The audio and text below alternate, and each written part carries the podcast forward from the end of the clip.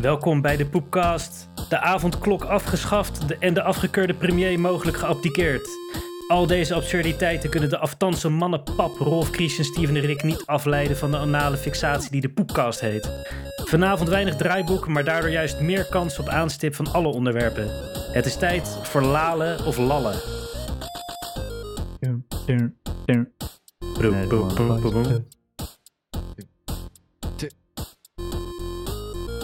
Ik laat deze gewoon aanstaan.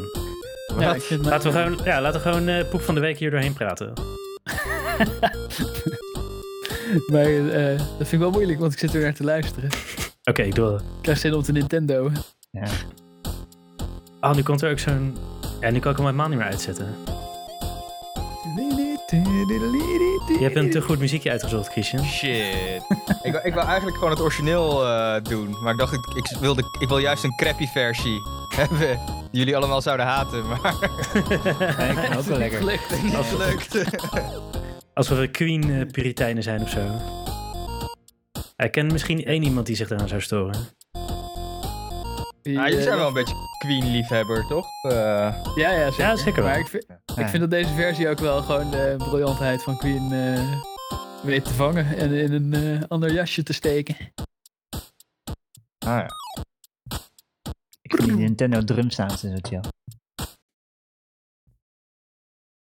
Ook op iemand zijn Game Boy gemaakt of zo.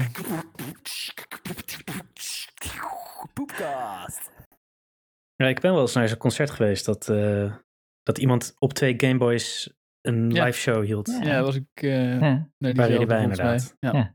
En dat Steven shots won door glaasjes door een raampje te gooien. Oh ja. Elkaar. Oh, maar dat je maar bleef winnen. God. Als je Dat lege glaasje jongen. door zo'n eh, Ja. gat in de muur gooien en als het raak was kreeg je gratis nieuwe. Ja. Oh, Dat lachen. God hebben zijn ziel. God hebben zijn ziel, inderdaad. Respect ook aan, dood. eh, Reden ze met hem. aan de kek dude. hij, was, hij was ook comedian, schijnt. Ja, ik heb het een verhaaltje gelezen. Ik heb het verhaaltje gelezen waar dit van is. En dat hij bij een andere shitty, shitty talkshowtje aan het uitleggen dat hij eh bij Elja borden moest wassen. Ja, volgens Ja. mij was ook Ja. de eerste die ik zag, was, eh, eh, ontdekte ik door nu dat ze over hem schrijven dat hij dood is, wat het oorspronkelijke verhaal was, dacht ik, hé, dat was de eerste die ik zag, was gewoon de echte ondertiteling. Oké. Maar ik heb ook wel een hele hoop leuke... Dat bij het restaurant en dan gingen ze de borden maar in zee spoelen of zo. Dat was de grap van het verhaal. geloof Ja, ja, en, en toen kwam hij de volgende dag terug en toen waren al zijn borden weggespoeld, behalve één. Ja, Ja. precies.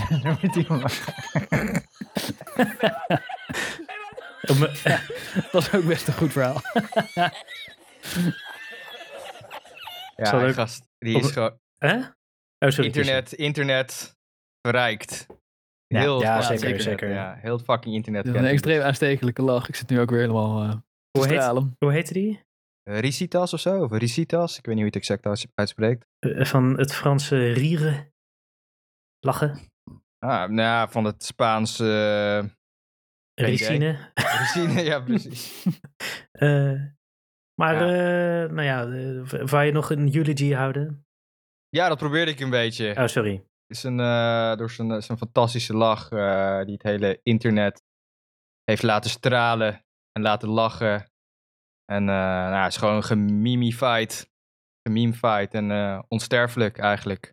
Ja, Mhm. En eh, hij blijft dus altijd bij ons. hij heeft veel vreugde gebracht. En het is wachten op de Me Too. Hij is een grote inspiratiebron voor ons. De kunst Ja. van het verhalen vertellen. Precies. Weer, willen wij ooit op een dag zo onder de knie krijgen Ja. als hij. Eigenlijk Hij- is hij is een soort. De, hij, is in, hij zit in het genre van Geer en Goor. Met heel hard lachen om je eigen verhaal. Maar hij is wel beter. Nee, hij zit... Nee. Hij heeft de poepkast beter gemaakt. Ja. Nu al. Nou ja, in eerdere sessies is hij ook wel zeker eh, voorbij gekomen. Ik ben er op een gegeven moment een be- beetje mee gestopt. Maar ja, nu, is hij, nu hij onsterfelijk is geworden, op zijn hoogtepunt is gestopt. Zullen we, de- zullen we hem wel vaker moeten afspelen. Ter herinnering aan hem. Hey, Een Rolf, eh, bijdrage. Ben ben je klaar voor de poep van de week? Ik ben er helemaal klaar voor. Het is een eh, verhaal eh, over, mijn, over mijn moeder. Daar heb je er weer. Ik hou mijn Oh. moeder er weer bij. Maar ik weet niet of de luisteraars het boeiend vinden, maar jullie als internet-audio-liefhebbers vast. Want zij eh, zingt in een koor. Oh, En ehm, eh, hoe heet het? Eh, dat was al vroeg in de eerste golf, eh, werd dat als eh, ultieme gevaarlijke superspreader. activiteit geduid. En dat zal ook wel kloppen. Met Mhm. die, eh, hè, dat je allemaal hard zingt bij elkaar. Eh, dus dat hield op. En dan gingen ze via internet zingen. En dan zaten ze met Zoom. En dan heb je vertraging. En dan kan je niet tegelijk hetzelfde zingen. En allemaal gekut. Oh ja. Dan gingen ze maar één voor één zingen of zo, weet ik veel. Of dan stuurde de juf en dan gingen ze allemaal meezingen. En zaten ze allemaal eh, gekloot. Maar het was echt een eh, grote hobby van ze. Dus eh kloten maar door. Maar wat ze nu heeft, is wel vet. Ik kan even niet op de naam komen. Maar ze hebben een of ander open source jazz eh, internetprogramma gevonden. Met ultra lage delay. Laag genoeg om samen te zingen. En eh, mijn moeder gaat dan, eh, die, die heeft dat op de computer staan. En iedereen met, eh, zonder wifi, met bedraden computers, eh het open source jazz programma. En wat ze dus ook heeft, is een mengpaneeltje met schuifjes. Waarbij ze de andere leden van het koor in haar oor harder en zachter zet. En Oh ja. heet het? Ze zegt, ja, dat is super handig. Want mijn moeder is sopraan. En dan, als ze een nieuw stuk doet, zet ze de andere sopranen veel harder. En de andere stemmen die er tegenin zingen zacht. Zodat Oh ze een beetje met die andere mee kan zingen. En dan als ze er beter in is, dan zet ze die andere sopraan juist eh, zachter. En dan hoort ze die andere stemmen er goed doorheen. En dan, eh, En wordt het ook Eh. opgenomen dan? ja... eh, ja, iemand zit het allemaal multistream op te nemen en ook nog na te bewerken en af te mixen en eh, rond te sturen. Nice. Beetje een soort poepkast. Nice. Een, een soort poepkast. Ah ja. En eh, er zijn ook eh, mensen voor wie de open source dingen te moeilijk is om te instrueren, eh, installeren. Dus ze zijn steeds uitgebreider. Ja, het zijn allemaal, allemaal eh, mijn moeder is eh 70 net geworden. En eh, Ja. ik weet niet, het is, ja, ze, ze, ze zijn allemaal oude vrouwen. Ja. En ehm, dus de instructies worden steeds duidelijker. Maar er zijn er ook een paar die nog wel via Zoom dan meedoen. Maar die zitten dan, die horen dan het downstream geluid van de jazz app. En die hebben vertraging en niemand hoort hen. Dus die ja. kunnen ook gewoon met het hele koor. eh, al- alleen de, de Zoom mensen die worden niet gehoord. Ze zitten gewoon met de microfoon zoom mee te zingen. Ja, ja. Het is vet, het is goed georganiseerd. Maar En- hier, had- ja, hier hadden we het toch vorige podcast over ook? Nee. Of hebben we dat niet opgenomen? Wat dan? Over low Ik kan me latency. sowieso niet herinneren. Jawel, Ja, over Eva die uit. met haar eh, bandleden speelt en dat ze dan geen oortjes. Oh ja, ja, die zoeken dit eigenlijk. Ja. Maar die, Ja. die, die hebben er zulke idiote gedachten bij als dat je het uit je laptop speakers moet luisteren in plaats van uit je Ja. koptelefoon. Dat ik denk dat dit soort Oh. ingewikkelde dingen waarschijnlijk niet aan ze besteed zijn. Je hebt de Maar- oplossing voor eh, Eva. Ja. Wat is het? Ja. Ja, dit, Ja, dit dus- klinkt, eh, dit klinkt dus als- best wel super chill. Voor hun kwartetjes, wat ze kunnen Dus- gebruiken. Ja, En, en Ja. dus oma's kunnen het gewoon installeren, dus dan moet Eva het ook Oh. wel lukken. I don't know. Ja, mijn moeder kan wel slim. computeren. Ja. Mijn moeder kan beter computeren dan de systeembeheerder op mijn werk. oké, oké. Ja. Hij, eh, goede follow-up eh, met een... eh, Nou, Ja. alleen volgens mij, Rolf, is, het- is het toevallig follow-up of niet, Rolf? Ja, ik Ja. zag Ja, dat laatst bij haar. Ja, nee, ja, het, het kwartje was niet helemaal gevallen dat Eva dit ook zocht. Maar Eva, Eva die had zulke rare dingen bij. Deze theorie van dat je geen koptelefoon op moet zetten voor de geluidskwaliteit Ja, nee, en dat zo. En ik dacht, maar, dit is echt nog tien stappen. Ja. de Eva die moet eerst, die, vooral die, die anderen dan, die, eh, die nog dommere dingen zeiden. Die Ja, het is een nog verder zich ontwikkelen voor ze hier klaar voor zijn, Ja, waarschijnlijk. Oké. Maar hoe heet het programma dan? Ja, ik ben het ook een keer Ja, tegengekomen, Jam... Ja. Is het niet. Ninjam? Ninjam? Nee. Oh, oké. Ja, ik heb, ik heb wel eens, want toen ik, toen ik eh, VoIP ging maken, heb ik gezocht van wat bestaat er al. Ja. En toen ben, ben ik dit tegengekomen. En dat heet, ja, het iets met. Maar dat was niet helemaal gratis. ja, het is dus geen Ninjam. Nee, het is Dus, niet eh, Ninja. Volgens mij het niet. heet- Oké. Het is wel iets met jam, dacht ik. Ja. Maar... Nou, En, eh, eh, ja, ik heb, eh, Is het, nou, ik heb het programma eigenlijk niet gezien. Maar mijn moeder vertelde En- dat het open source was. Die bleek dat woord ook te kennen. Oh, En heeft ze, heeft, ze mooi, heeft ze een mooie microfoon heb en heeft ze er, Ja, heeft ze de kamer eh, akoestisch bewerkt? nee. welke license, Rolf? Wist je dat ook? Nee, ik heb er niet over gehoord. Of, Is het ze, of ze wel wist, volgens mijn eh, Richard Staalman eh, normen, wat open Ja. source eigenlijk is. Ja, precies. Je had er gelijk, ik denk een, dat ze ook niet zelf de source code heeft bekeken. je had er gelijk een lecture Maar kunnen geven. van, ah, ja. is het Stond wel... het op eh, GitHub of SourceForge? Oh, op eh, GitHub? Ja, nee, dan hoef ik het niet. Was het. Eh Microsoft. heette het aardbeien jam? Eh, nee, zo heet het niet. Oh. Hey, maar eh, nu willen we natuurlijk wel een stukje horen. Als het toch wordt opgenomen. Oh ja, voor de volgende follow-up. Ja, Oh ja. Nou ja, dat moeten we dan later inplakken, want ik heb het niet paraat. Of ik laat het volgende week horen. Ja, voor, voor de follow-up. ja. Volgens mij zijn er wel mp3's. Ah, Cool. oké. Cool. Cool. Nou, eh gelijk een podium voor honderden mensen. Dus, eh, Ja, honderd, Ja. honderdduizenden luisteraars. Ja. Oh, toen dat nog kon, heb ik het ook wel eens live gezien. Ze treden wel eens op. En eh, ze hebben meer, meer fans dan wij, hoor. Hey, je- ze moeten Twitch. Heb je ze al Twitch geadviseerd? Twitch. En dan? Ja, Of kunnen we die eh, doen? optreden via Twitch. Ja. Ja, Heb, heb Ja, je zo leuk. OnlyFans geadviseerd, Rob? OnlyFans. Dank eh, voor jullie 300 bits. Gaan zo door hun eigen core heen praten. Oh, trouwens, Dank hebben voor de follow. Dank voor jullie bits. Hebben jullie die fucking serie gekeken? Ja, ja, ja. ja. Tenminste, Nee, er is, er maar één aflevering, toch? Ja, Wordt ja, het echt nog, een serie? nog. Ja, hoe heet Ja, het wo- wordt meerdere afleveringen, net als Verdoofd. Seks en Serie shit, Doedens, eh, en eh, social of zo. Ja, Ja, zo heet die, ja. Ja. Echt briljant. Dat ene wijf wat steeds grotere dingen in haar kont wil douwen. Zo. Gewoon, en die gewoon super blij wordt van dingen in haar kont douwen. Ik werd Ja. er echt een En- beetje en die onpasselijk van. En die verdiende, wat was het, 70.000 in de maand of zo? Ja, ja, ja. Ja, dat was-. Dat werd je onpasselijk. Was dat Wet het Denise? Waarom werd ik ik geloof onpasselijk? het. Omdat ze Nee, fucking... nee, nee, de wet Denise was die van eh, 18. Maar die andere. ja, ja. Eh, nee, Wet Denise werd ik niet onpasselijk van. Behalve dat ze in een caravan woonde en in een kelderbox er ding opnam. Die andere heette ook iets Ja. met Wet. Plek waar ze dat filmden. Ja, wet. Ja, Wet eh, 19 of zo. ja, ja, ja, ja, ja. Ik zat gelijk te denken, Rolf, als jij een OnlyFans neemt, kan je, kan je Nasty Rolf 40 worden. Nee, die Wet is ben wel 19. Die had 40. fucking vrijstaande villa met al haar super dildo's. Ja, ja. Die vertelde dat ze Oké. 70k in de maand verdiende of zo, toch? Ja, Ja. echt sick. En ze hadden ook die Wauw. kontspreader. Ze Ja. gewoon die kontspreader. Die had een fan Ja, opgestuurd. En, dat was... eh, ja, dan kan je zo je hele vuist in.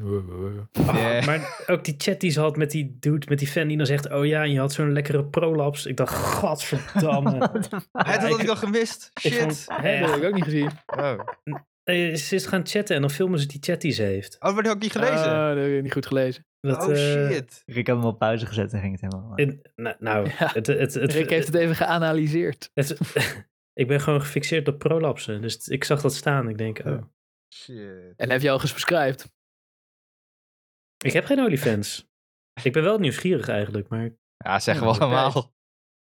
Maar OnlyFans willen, willen hun business opschonen, toch? Ze zijn bezig. eh, Wat? Bedoel je? Dat zijn niet meer van die vieze shit. Ze willen, Hoezo? ze willen niet meer een porno eh, zijn. Hoezo? Ze willen een beetje classy worden. High dat hoorde class, ik. Ze willen, ze willen meer geld verdienen door classy te worden. Lol, oké, ik, eh, dan ga ik sowieso die weddenschap winnen. Ze willen geen, ze willen Maar geen het lower de class porno. van maar, het is toch altijd, maar, eh, eh, altijd bij het begin van zo'n service, dan zeggen ze, oké, porno is goed, want dan groeit het lekker snel. En Beter dan zijn ze switch. groot genoeg. En nu is het gewoon, eh, Ja, maar Steven, dit is een de porno. porno-site. Wat denk je dat ze Ja. exclusieve schaakfilmpjes gaan eh, ik verkopen? weet het niet. Ik Ja. weet het niet. Ze zijn al Eh, zo ver Justin gedaald. Bieber, eh, exclusieve Ik bedoel, content. Wat, eh, wat, eh, ik bedoel... Ze zitten al helemaal aan de modder en die moet het in één keer eh, clean worden. Nou, Ze zijn eh, toch begonnen met het doel om een, om een populaire porno-site te zijn? Ja, Nee, met. We exclusiviteit. hebben een hele is- aflevering over gemaakt. Nee, niet, nee, niet porno, maar ja, ik, weet, ik weet niet wat hun doel is. Nou, eigenlijk. niet, nee, nee, nee, niet, niet porno per se, maar meer dat je, nou, dat heb ik die vorige episode natuurlijk helemaal uitgelegd, dat je exclusiviteit hebt en eh, hè, dat mensen je berichtjes kunnen sturen en dat je gewoon op requests kan ingaan eigenlijk. Maar ja, Ja. die zijn voor 50% volgens mij is het of wel, 80% allemaal super nasty. Ja, eh, meer dan 80 volgens mij. Maar, eh, en sowieso, ik zou het heel, ik zou het eh, zonde en eh, slecht vinden als ze dat deden. Eh, preuts en immoreel. Want dat wijf wat die dingen in haar kont houden, ik was echt helemaal overtuigd. Zij is gewoon, eh, zij wordt door niemand uitgebuit. Zij vindt gewoon, als je haar ziet, wie, wie dit programma nog niet heeft gezien, moet echt even kijken. Als je haar Zeker. ziet, zij vindt het gewoon fantastisch om dingen in de kont te douwen. Ze zit daar helemaal stralend te vertellen. En oh, ik krijg een berichtje van een fan. Ja, ta, ta, ta, ta. ja gaat goed. Met jou ook. ja, zo doe Ja. ik altijd tegen mijn fans. Ze vindt Ja. het gewoon helemaal heerlijk. Ja, en ik, ik vond die, eh, ik vond die, eh, hoe heet het, die daarop inderdaad die van 18 ook gratis, jongen. Toen ze zei, maar ja, de eerste dag toen ik 18 werd, nam ik gelijk OnlyFans. Ja, Oh, Op de shit. verjaardag-account aangemaakt. Ja, Dat was ook radicaal. Maar en hoe vond je die, eh, die hetero's aan het eind die gayporn maakten? Dat Ja, vond, vond ik ook wel indrukwekkend. ja, ja. dat ze elkaar met die olie gingen masseren en shit. Twee van Dat die is toch gespierde gasten. Dat is toch geen gay porn? Ja, nou... het- Nou ja, het was ja, om aan, aan homo's te verkopen, als het, Het- ware. het- Hun fans ja. zijn allemaal homo's. Ja, Ja, Ja. ja. ja. je Ja. bent toch niet gay als je een man masseert? ja dit, dit was wel zo een Weet beetje... je wel, als je het doet voor geld, zodat mensen ernaar kunnen kijken en zich aftrekken, toch? Hoezo ben je dan gay? Dan ben en je gewoon ondernemer. Nee, maar ik zei toch ook, die, die hetero's die gayporn maakten. Het is gayporn omdat eh, homo's eh, geld willen betalen om het te bekijken en zich af te trekken. Oh. Ja. En ze Ah, zeiden dat ze ah, hetero waren. ja. Ja. ik zag ze verder Ja. niks eh Ik, eh, ja, ik, ik, hetero's doen. En ze gingen samen douchen en shit. Goede ja, maar wel met, wel met kleertjes aan. Onderbroekje. Nee, zonder kleren. Ja, nee, ik bedoel onderbroekje. Ja, dat Naakt. werd net eh, buiten beeld gefilmd. Dat was ook wel grappig. En die ene, en ze, ze praten met elkaar en die ene die, eh, die had zich al afgetrokken voor de camera en zo. En die ander die deed dat niet. Die hield altijd zijn Ja. broek aan. Ja, die Ferry Doe- Doedens of zo heette die, toch? Goede tijden, Ja. slechte tijden eh, acteur. Die, ik vond het wel een heel mooi verhaal. eh, helemaal getrashed. Nou, hij verdient nu eh, genoeg. En die Albert Verlinde, die het helemaal Ah, niks die- vond. Boomer. Afgrijzelijke haten Albert. Verlinde. Oh, Toen ben ik gewoon even weggelopen. Ik, ik trek Ja. dat niet. Ja, maar hij dan met z'n... Die is toch ook helemaal vernederd door Onderhoes? Oh, oh ja, wacht ja, even. dat is met Albert Verlinde. Ja. Onderhoes die Ja, lag 18-jarige ventjes af te palen in hotels en dat werd allemaal gefilmd. Oh, dat, ja. zijn, dat zijn we allemaal vergeten. Misschien moeten we het daar eens een keer over hebben. Weer. Hè, wat, wat deed Albert Verlinde toen daar ook alweer bij? Nee, dat, is de, dat was de, volgens mij nog steeds de partner van Onderhoes. Ja, maar Albert Verlinde die wees er ni- niks, niks van, toch? Of, eh, of, of Nou, Ja. ik vond het geen geschikte content voor zo'n rolprogramma. Die, Ah. eh, ja, precies. Dat werd, ja, dat was het. Volgens mij ging geen stel er toen heel, heel lekker Daar hard op. begrip voor. Maar ja, en daar had ik ook begrip voor. Ja. Dus ik vond het echt... Ja, maar als iemand niet Ah, ik zielig vind is... die Albert hele Verlinde zo'n afschuwelijke nare man. Ah, Ik ben gewoon serieus. Hij zit, hij zit uitgebreid in die. eh, Dan gaat hij met die Ferry Doedens praten over dat Ja. hij het allemaal slecht vindt. En oh, oh, oh, Ja. je verkoopt je lichaam en zo. Ben ik ja. gewoon bij weggelopen. eh, en, eh, want die Albert Verlinde, dat, dat wil ik niet zien. nee. Ik trek dat niet. Nou, ik had dat wel ook een beetje bij dat, van. dat meisje met al de rare... Ze had allemaal van die dierendildo's. Dat vond ik ook heel... Ja? Oh, dat ik kan daar niet wel, tegen. Ik vind dat echt vies. Oh, dat vond ik nou juist wel fascinerend. We hebben ook Ah, nu gewoon ook. alles, Zijn- alle spoilers van het hele programma gehoord. Of, nou nee, ja, nee, nee, nee, er zit nog veel meer in. Wat maar. Oh, gelukkig. Er zijn dit, zeg maar, dit zijn toch meer... Dit zijn geen spoilers. Dit zijn aanmoedigingen om te kijken. Dit is nog niks. Ja, ja. Die ene, die ene zigeuner kermisgast die, dat, die die 18-jarige er pooier is, dat is ook een figuur, jongen. Nou, dat eh, moet je maar kijken. Dat zullen we Ja, niet spoilen. Ik ga het Ja. straks maar even Ja, Rolf, jij hebt. Verdoofd nog niet gezien, hè? Jawel, ja, Oh, één wel. of twee Oh, afleveringen. Oh, ja. één of twee, ja, ja. Wel. Op het landje en beetje. zo. dat is ja. verdoofd? Ja, ja, ja. Nee, heb ik nog niet, nog niet gezien had, maar eh, wel dus. En Tiger King, heb je Tiger King eigenlijk gezien? Nee, die heb ik Ah, gedownload, nou, maar die die- moet nog kijken. Ja. Oh, dat is echt het beste wat corona gebracht heeft. Ik heb alleen gezien, een paar jaar voor de opnames van Tiger King, eh, was Louis Theroux al een keer Ja. bij hem. Die heb ik wel gezien. Ah, Die is ook mooi. Ja, dan ken je de stijl. De, het is wel, de Tiger King's nice. Ja, ik heb denk ik eh, eh, van Louis Theroux een redelijk beeld wie de Tiger King is. Maar dat verhaal klinkt wel spectaculair met dat andere wijf en dat ze oorlog hebben. En trouwens, ja, ik wil nog wel één, één dingetje over die serie. Die gast ook, die vriend van die, die, van die 18-jarige chick. eh, Oh, die het een beetje... gewoon puur zakelijk, weet je wel. Ja, ze, ja, ik doe een beetje dit werk, weet je wel. Ik zit de hele dag te kijken achter mijn computer. En, eh, Het is ook Ja, hard werken. Ik ben best wel trots op wat ik Ja. heb bereikt. ja, ja, we doen het samen. Hij, ma hij mag gewoon daarna... Ja, en hij, zit namens haar te chatten met, die, Ja. met de fans, hè? Ja, ja. Hij ja, zit ook, eh, oh ja, familiebedrijf. lekker geil, ik, eh, zit- ik wrijf op mijn tiet of Ja, zo. dat is wel Hij, stuurt berichtjes terug. Maar hoe, die, hoe die er totaal geen moeite mee had, dat vond ik vooral eh, opvallend. Dat Maar- echt- ah. Wat mij ook opviel aan dit stel is, het kan zijn dat hij een Brabants accent had en zij niet. Maar ik had de indruk dat er ook eh, ongeveer 50 punten eh, ruimte tussen hun beide IQ's zat. Dat, eh, die, dat meisje was best wel slim. Maar die gast, Ah, ja, ja, ja. die leek me echt een of andere eh, ingetilde kermis. eh. Nou ja, qua, ik vond hem qua... Ze waren allebei van de kermis, hè? Serieus? ja, ja, ja, klopt. Maar eh, ik, ik, ik vond hem, hoe die ermee omging, ik vond dat is wel pooier puur zang hoor. Nee, dat is gewoon zaken. Ik bedoel, je moet jezelf vernederen op de kermis of gewoon porno. Wat is nou erger? En en- en- en Christian? porno. op een gegeven moment kwam er, werd er terloops even gezegd van ja, en als er andere meisjes meedoen, dan regel ik ook dat. En toen dacht ik, Ja. oké, die dude Ja, zit ja. dus alleen maar trio's te houden met zijn 18-jarige Nee, nee, maar hij doet niet mee. nee. Ja, na- daarna toch even. Ja. ja, misschien wel, ja. Ja. Ik dacht, eh je snapt die guy. 5000 euro per maand om een beetje trio's te doen. Hey, Ja. En wat was nou die ruimte waarin ze aan het filmen waren? Een soort hele lange vierkante tunnel. Ja, het En- zag- ik zag er echt uit als een kelderbox. Ja, maar ze zeiden op een gegeven moment van eh, hij, hij eh, moest pissen of zo en zij zat lekker zichzelf te spanken, whatever. Hij zei ik ga even naar beneden. Terwijl ik dacht ze zijn in een soort tunnel, maar Dat was nog een niveau lager. ja blijkbaar. Ja, of het is een eh, tunnel door de lucht of zo. Ja, ik vond het sowieso een vage ruimte, echt hele lange Ja. Heel, heel naar. vierkante buis, inderdaad. En dan zo'n Ja. doodlopende vierkante buis met aan het eind een beetje een viezige bed met een paar dildo's en een camera. En wat ik grappig vond was, eh, je zag de apparatuur ook van hen de hele tijd. En het lijkt heel erg op wat ik allemaal voor mijn werk heb gekocht om alle schoollessen te streamen. Toevallig. Ik herkende meerdere dingen die wij ook hebben. Aha. Precies dat ringlicht met die telefoonhouder in het midden. Ja. Al die dildo's. Die, eh, die Logitech cameraatjes. Want die dildo's, ja. Ja, die... eh, Ja, die hadden we al. Nou, eh, na dit uitstapje moeten we denk ik toch even door naar eh, de follow-up. Want eh, ja, dit wordt een heel kort item, want Steven gaat iets over herd immunity zeggen. Ah, Ah, Ah, Ja, dus in mijn, eh, in mijn eeuwige strijd ter nuancering van de term groepsimmuniteit. Want een week geleden of zo had, was er zo'n discussie in de chat over eh, groepsimmuniteit. En eh, ik heb het idee dat mensen niet helemaal begrijpen wat ik, wat ik precies bedoel. Dus ik dacht, ik gooi nog een extra vergelijking erin. Eh, ter extra nuancering van, eh, van wat ik bedoel. ter Want- extra trolling. nee, hem het is niet- erin. nee, nee, het is echt, nou, tenminste, ik vind het echt een, een fascinerend eh, idee over wat is, wat is eh, wetenschap, wat is niet wetenschappelijk. En ehm, eh, bij wetenschap hoort ook dat je de mate van onderbouwing daar ook in benoemt. Eh, ja. Oké. Ja? Ja? nee, ik ben, ik ben, ben al geïrriteerd. Dat, Zijn jullie eh, nu al triggered? Ja, Ja. Ja omdat je jezelf een soort, die- eh, een soort voetstuk van eh, onafhankelijkheid plaatst. Wat Nee, echt nee. helemaal niet, niet Karl de Popper, is. Ja, oké, wetenschapsfilosoof. nou vertel. Nee, eh, daar was hij juist tegen, toch? daar heeft hij ook niet gelezen, net als de rest. De, vertel. Oké. In ieder geval, ik heb een, voor- een voorbeeld van een hypothetische situatie.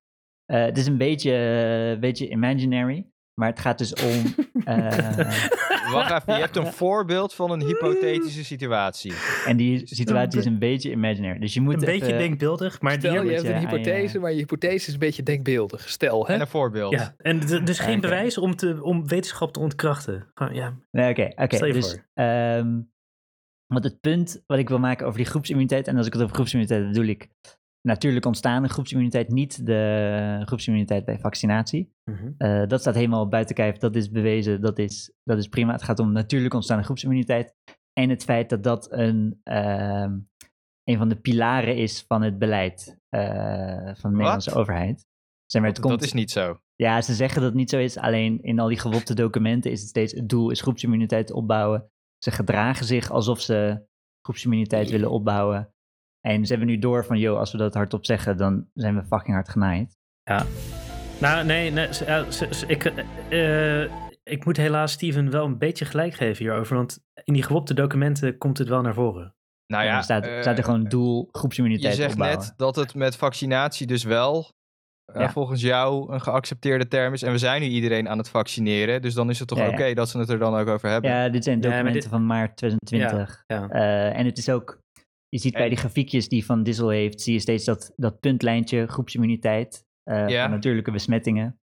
Ja? Eh, zeg maar, ze gebruiken het bij niet-gevaccineerden ook, die term. Je hoort het ook in eh, Rutte, bij die verspreking bij Sylvana Simons, had hij het over, oké, zoveel mensen hebben het gehad, 5 miljoen mensen hebben het gehad, 4 miljoen gevaccineerd, dus 9 miljoen mensen zijn immuun of zo. je zegt nu, komt- nu weer gevaccineerd. Nee, maar Nee. Het, lijkt er wel echt op dat, dat de overheid of het kabinet eh, ook stuurt op natuurlijke immuniteit. En dat ze dat meetellen met de vaccinatie-immuniteit.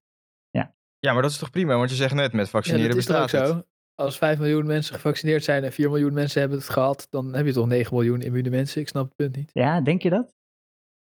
Zeg maar, Nou, is dat Zo, zover waren we nog niet, Zeg maar, toch? Het- wow, is dat... eh, want dan moet je begint even met wel- Sylvana Simons eh, Je begint wel in de buurt te komen bij eh, effecten van groepsimmuniteit, inderdaad. Want voor met een, je hebt iets van 70% nodig voor COVID, toch? Eh, gevaccineerd. Nou ja, als, eh, Nee, meer al door de verhoogde besmettelijkheid. nou ja, nou dan meer, maar dan is het misschien 80 of 85, whatever. Maar, maar, Nee, dus, dus het punt is, dus als je, als je het over, eh, over immuniteit hebt, wat Ja. is dat concreet? Dus het, is, eh, het punt wat ik probeer te maken is dat het niet concreet is. Wat betekent het als zoveel mensen besmet zijn geweest? Eh, hoeveel immuniteit is er dan? En welke invloed heeft dat op nieuwe besmettingen? Kan je dat meten? Ja. Dus het voorbeeld wat ik heb is, oké, NASA, die zijn eh, bezig om Ja. naar, de, naar Mars te gaan. mhm. Ja. Dus die hebben een Ja. mooi plan gemaakt. Ja. Oké, eh, we lanceren die raket, we gaan zo langs de maan met de zwaartekracht, we hebben het allemaal uitgemeten. Ja. En nu moet je je voorstellen dat midden in hun plan zit een soort van concept wat net zo vaag is als groepsimmuniteit. Dus eh, ze doen alles helemaal uitgerekend. En dan ergens, ja, dan is er iets van eh, groepsimmuniteit met zwaartekracht. En dan daarna hebben we het weer helemaal perfect uitgerekend. ja. Het is ondenkbaar dat NASA op die is manier... dit voor fucking met, slecht voorbeeld? eh, Ja, Steven. Je, je weet... echt- wij dachten, nu komt er wat. Ja. Dit is echt het slechtste voorbeeld waar je ooit mee bent nee, maar, gekomen. dus jullie snappen gewoon niet wat ik bedoel. Maar het is prima. Het is prima.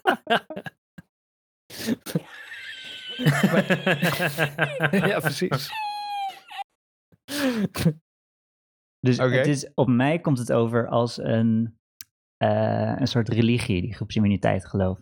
Dus eh, het idee dat er misschien iets anders gebeurt dan groepsimmuniteit, dat is niet mogelijk. Maar Steven, eh, het laat zich eh, allemaal moeilijk voorspellen. En ik zou inderdaad Ja. op het. eh, ik zou inderdaad Hugo de Jonge niet de berekeningen voor mijn Marsraket laten maken. In die zin eh, heb je helemaal gelijk. Elon Musk wel trouwens.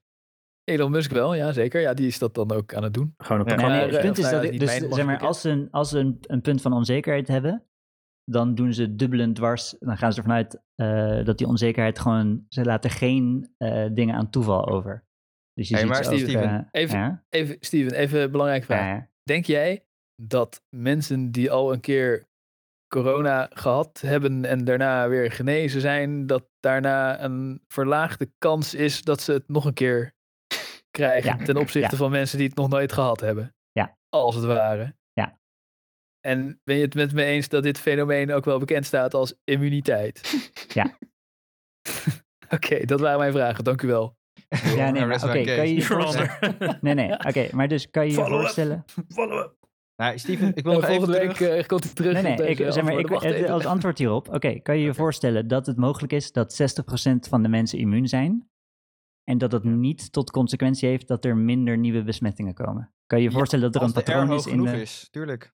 Ja, precies. Maar als de R laag is, als de R onder de 1 komt, volgens mij is dan 60% al genoeg om effecten van groepsimmuniteit te zien. Nee, ja. De, die beredenering volg ik niet. Maar ik bedoel, Nou ja, dat, kan je je dat- voorstellen dat, eh, betek- dus zeg maar, het idee van groepsimmuniteit, dat er een barrière wordt gevormd? Kan je je voorstellen dat mensen zich op zo'n manier bewegen dat die barrière niet gevormd wordt? En dat je dus niet kan meten dat er een daling is aan het aantal besmettingen als Nou, gevolg van een toename van het aantal besmettingen. Nou, Want dat is groepsimmuniteit. Het is niet een groepje mensen die immuun zijn. Het is dat het aantal besmettingen daalt als gevolg van een toename van het aantal besmettingen. Ja, Nou, wat- Ja, precies. Ja, nee, het daalt omdat minder mensen susceptible zijn geworden, inderdaad. Nee, door nee, nee, dat is wat anders. Nee, nee, dat is wat anders. nee, nee. Groepsimmuniteit is dat eh, kwetsbare mensen die het nog niet hebben gehad, minder kans hebben om het te Hè? krijgen. Ja, Oh, eh, Steven, je zei dat je de Wikipedia-artikel had gelezen over groepsimmuniteit. Ja. Wacht even, nee, ik ben het eens met de definitie die, Ja, ja. die hij in de Ja. laatste zin begon te geven. Eh, Nou ja, nee, maar dan, dan heb je al een soort ondergrens van eh, het moet minimaal zoveel opleveren. Die is er helemaal niet. Eh, Stel dat je 1% ja, nee, maar van de mensen je- beschermd is omdat 20% Ja, van de mensen is besmet dat is. Dat is al groepsimmuniteit. ja. maar oké, dus stel dat het. Het is net als met op- individuele immuniteit. Geen eh, immuniteit, geen harde zwart-wit dinges. Nee, maar het is Gewoon, wel. als er meer Dus besmettingen zijn geweest, dan zijn er daarna minder. als Ja. er, Ja. als er geen ondergrens is, waarom speelt het dan zo'n prominente rol? Als, zeg Nou, maar, als er op- één, mag ik mijn zin nog maken? Als er Ja. één besmetting minder is op een miljoen, Ja, Ja, zeg maar iets wat je gewoon kan eh, verwaarlozen, ja. ja. waarom speelt het dan zo'n prominente rol? Omdat het betekent dat je niet iedereen hoeft te vaccineren. Ja, maar dan bespaar je één besmetting door. Nee, het is niet één besmetting. In, Nee, maar stel, jullie zeggen net dat er geen ondergrens Nee, is. Dat er geen ondergrens is aan de definitie. Ja? dus Nee, als het nee, één nee. besmetting bespaart op het hele land, dan is het al groepsimmuniteit. En dat is al een voordeel.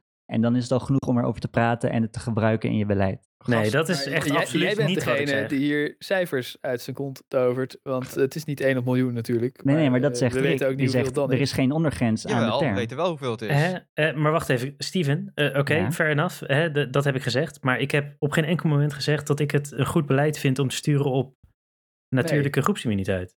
En als, eh, als, als er een of ander effect is waardoor, eh, de, eh, waardoor 1, 1 op de miljoen minder ziek wordt, of waardoor, weet ik veel, waardoor de Ja. aarde 0,1 graad opwarmt, dan betekent dat toch niet van, oh nou, 0,1 graad zo weinig, ho, ho, ho, dat bestaat niet.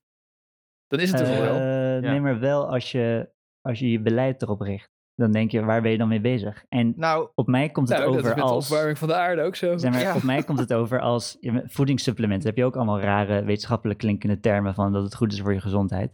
Al die antioxidanten en zo. Dat is allemaal soort van wetenschappelijk. We weten niet precies wat het doet. Het is niet meetbaar. Maar het is wel, het klinkt wetenschappelijk. Nee, dus maar- heel veel, Nee, maar hoe, wat, grifters sorry, is, echt, dit is echt totale onzin, Steven. Want het is dus volledig meetbaar. En het is ook bewezen. En Het is niet, Ja. ja, oké, wel, Ja. nou, het, het is wel ja, bewezen. het is 100% bewezen. Eh, al- als wij, stel wij wonen met z'n vieren in een huis. Drie van ons krijgen griep. Eh, Ja. En de, de vierde heeft het niet gehad, want die, zat, eh, die was er even niet. Dan gaat hij het niet krijgen van die drie andere mensen. Ja, inderdaad. Dat is groepsimmuniteit. Ja, ja precies. Maar kan je je voorstellen dat die persoon ergens anders komt dan in zijn huis? Of ja, maar moet dan is het toch een nog steeds systeem? groepsimmuniteit, Steven. Ja, maar Ja, als het niet, dat- zeg maar, je hebt nu, Ja, een voorbeeld van een gesloten systeem, maar de maatschappij is Maar- niet een gesloten systeem. Nee, maar, maar dit gaat toch op grotere schaal ook op? Ja, Steven, stel dat 70% niet meer verspreidt. Dan is het toch moeilijker voor het virus om bij die andere 30% te komen? Ja, precies, maar hoeveel moeilijker? Ja, En hoe meetbaar is het? En kan je je dus voorstellen, kan je je voorstellen- kan je voorstellen dat het eigenlijk niet zoveel scheelt? Dat er een patroon van mensen mogelijk is te bedenken, dat ondanks dat er 70% immuniteit is, dat er nog steeds een toename van de verspreiding is en dat er Ja. geen rem door ontstaat. Is dat, Jawel, zeg er ontstaat wel een rem door. Er ontstaat wel een dat rem een door. acceptabele, of is dat überhaupt onmogelijk? Nee, maar dat, dat, Dat, dat is mogelijk, maar dan moet de R Nou. dusdanig hoog zijn. Zeg maar, het, het hangt. Jij zegt, dat wist je al niet. Dus dat laat al zien dat je er gewoon niet volledig genoeg van af weet. Hè, de R, die bepaalt hoeveel eh, mensen geïmmuniseerd moeten zijn. Voordat je eh, eigenlijk niet meer verder hoeft te immuniseren of te vaccineren.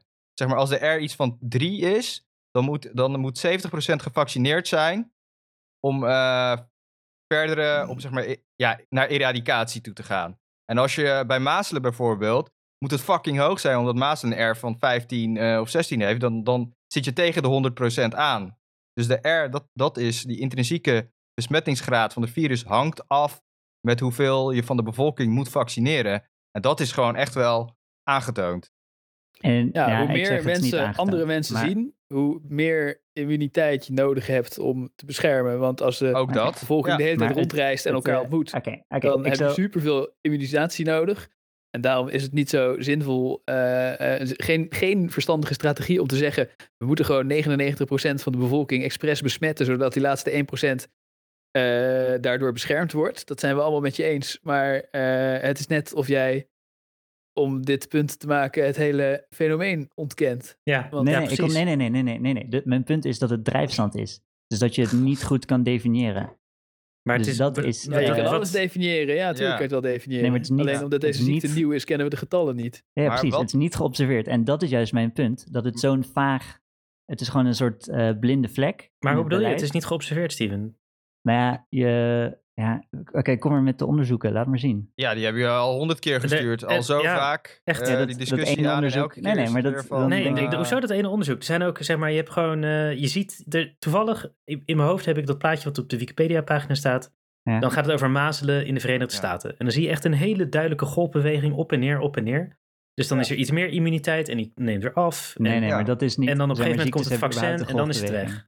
Zeg maar, dat je een golfbeweging ziet is niet een bewijs van groepsimmuniteit. Dat Nee, is een bewijs wat- wat van verschil in virulentie. Zeg maar, virussen hebben sowieso een golfbeweging door het eh, jaar heen. Los van hoeveel mensen Nee, Ik besmet was gast, ook niet dit is- helemaal overtuigd dit- door dat ding op Wikipedia. Die is over 100 Want, jaar eh, heen verspreid, hè, die grafiek. Die is niet over Ja. één jaar.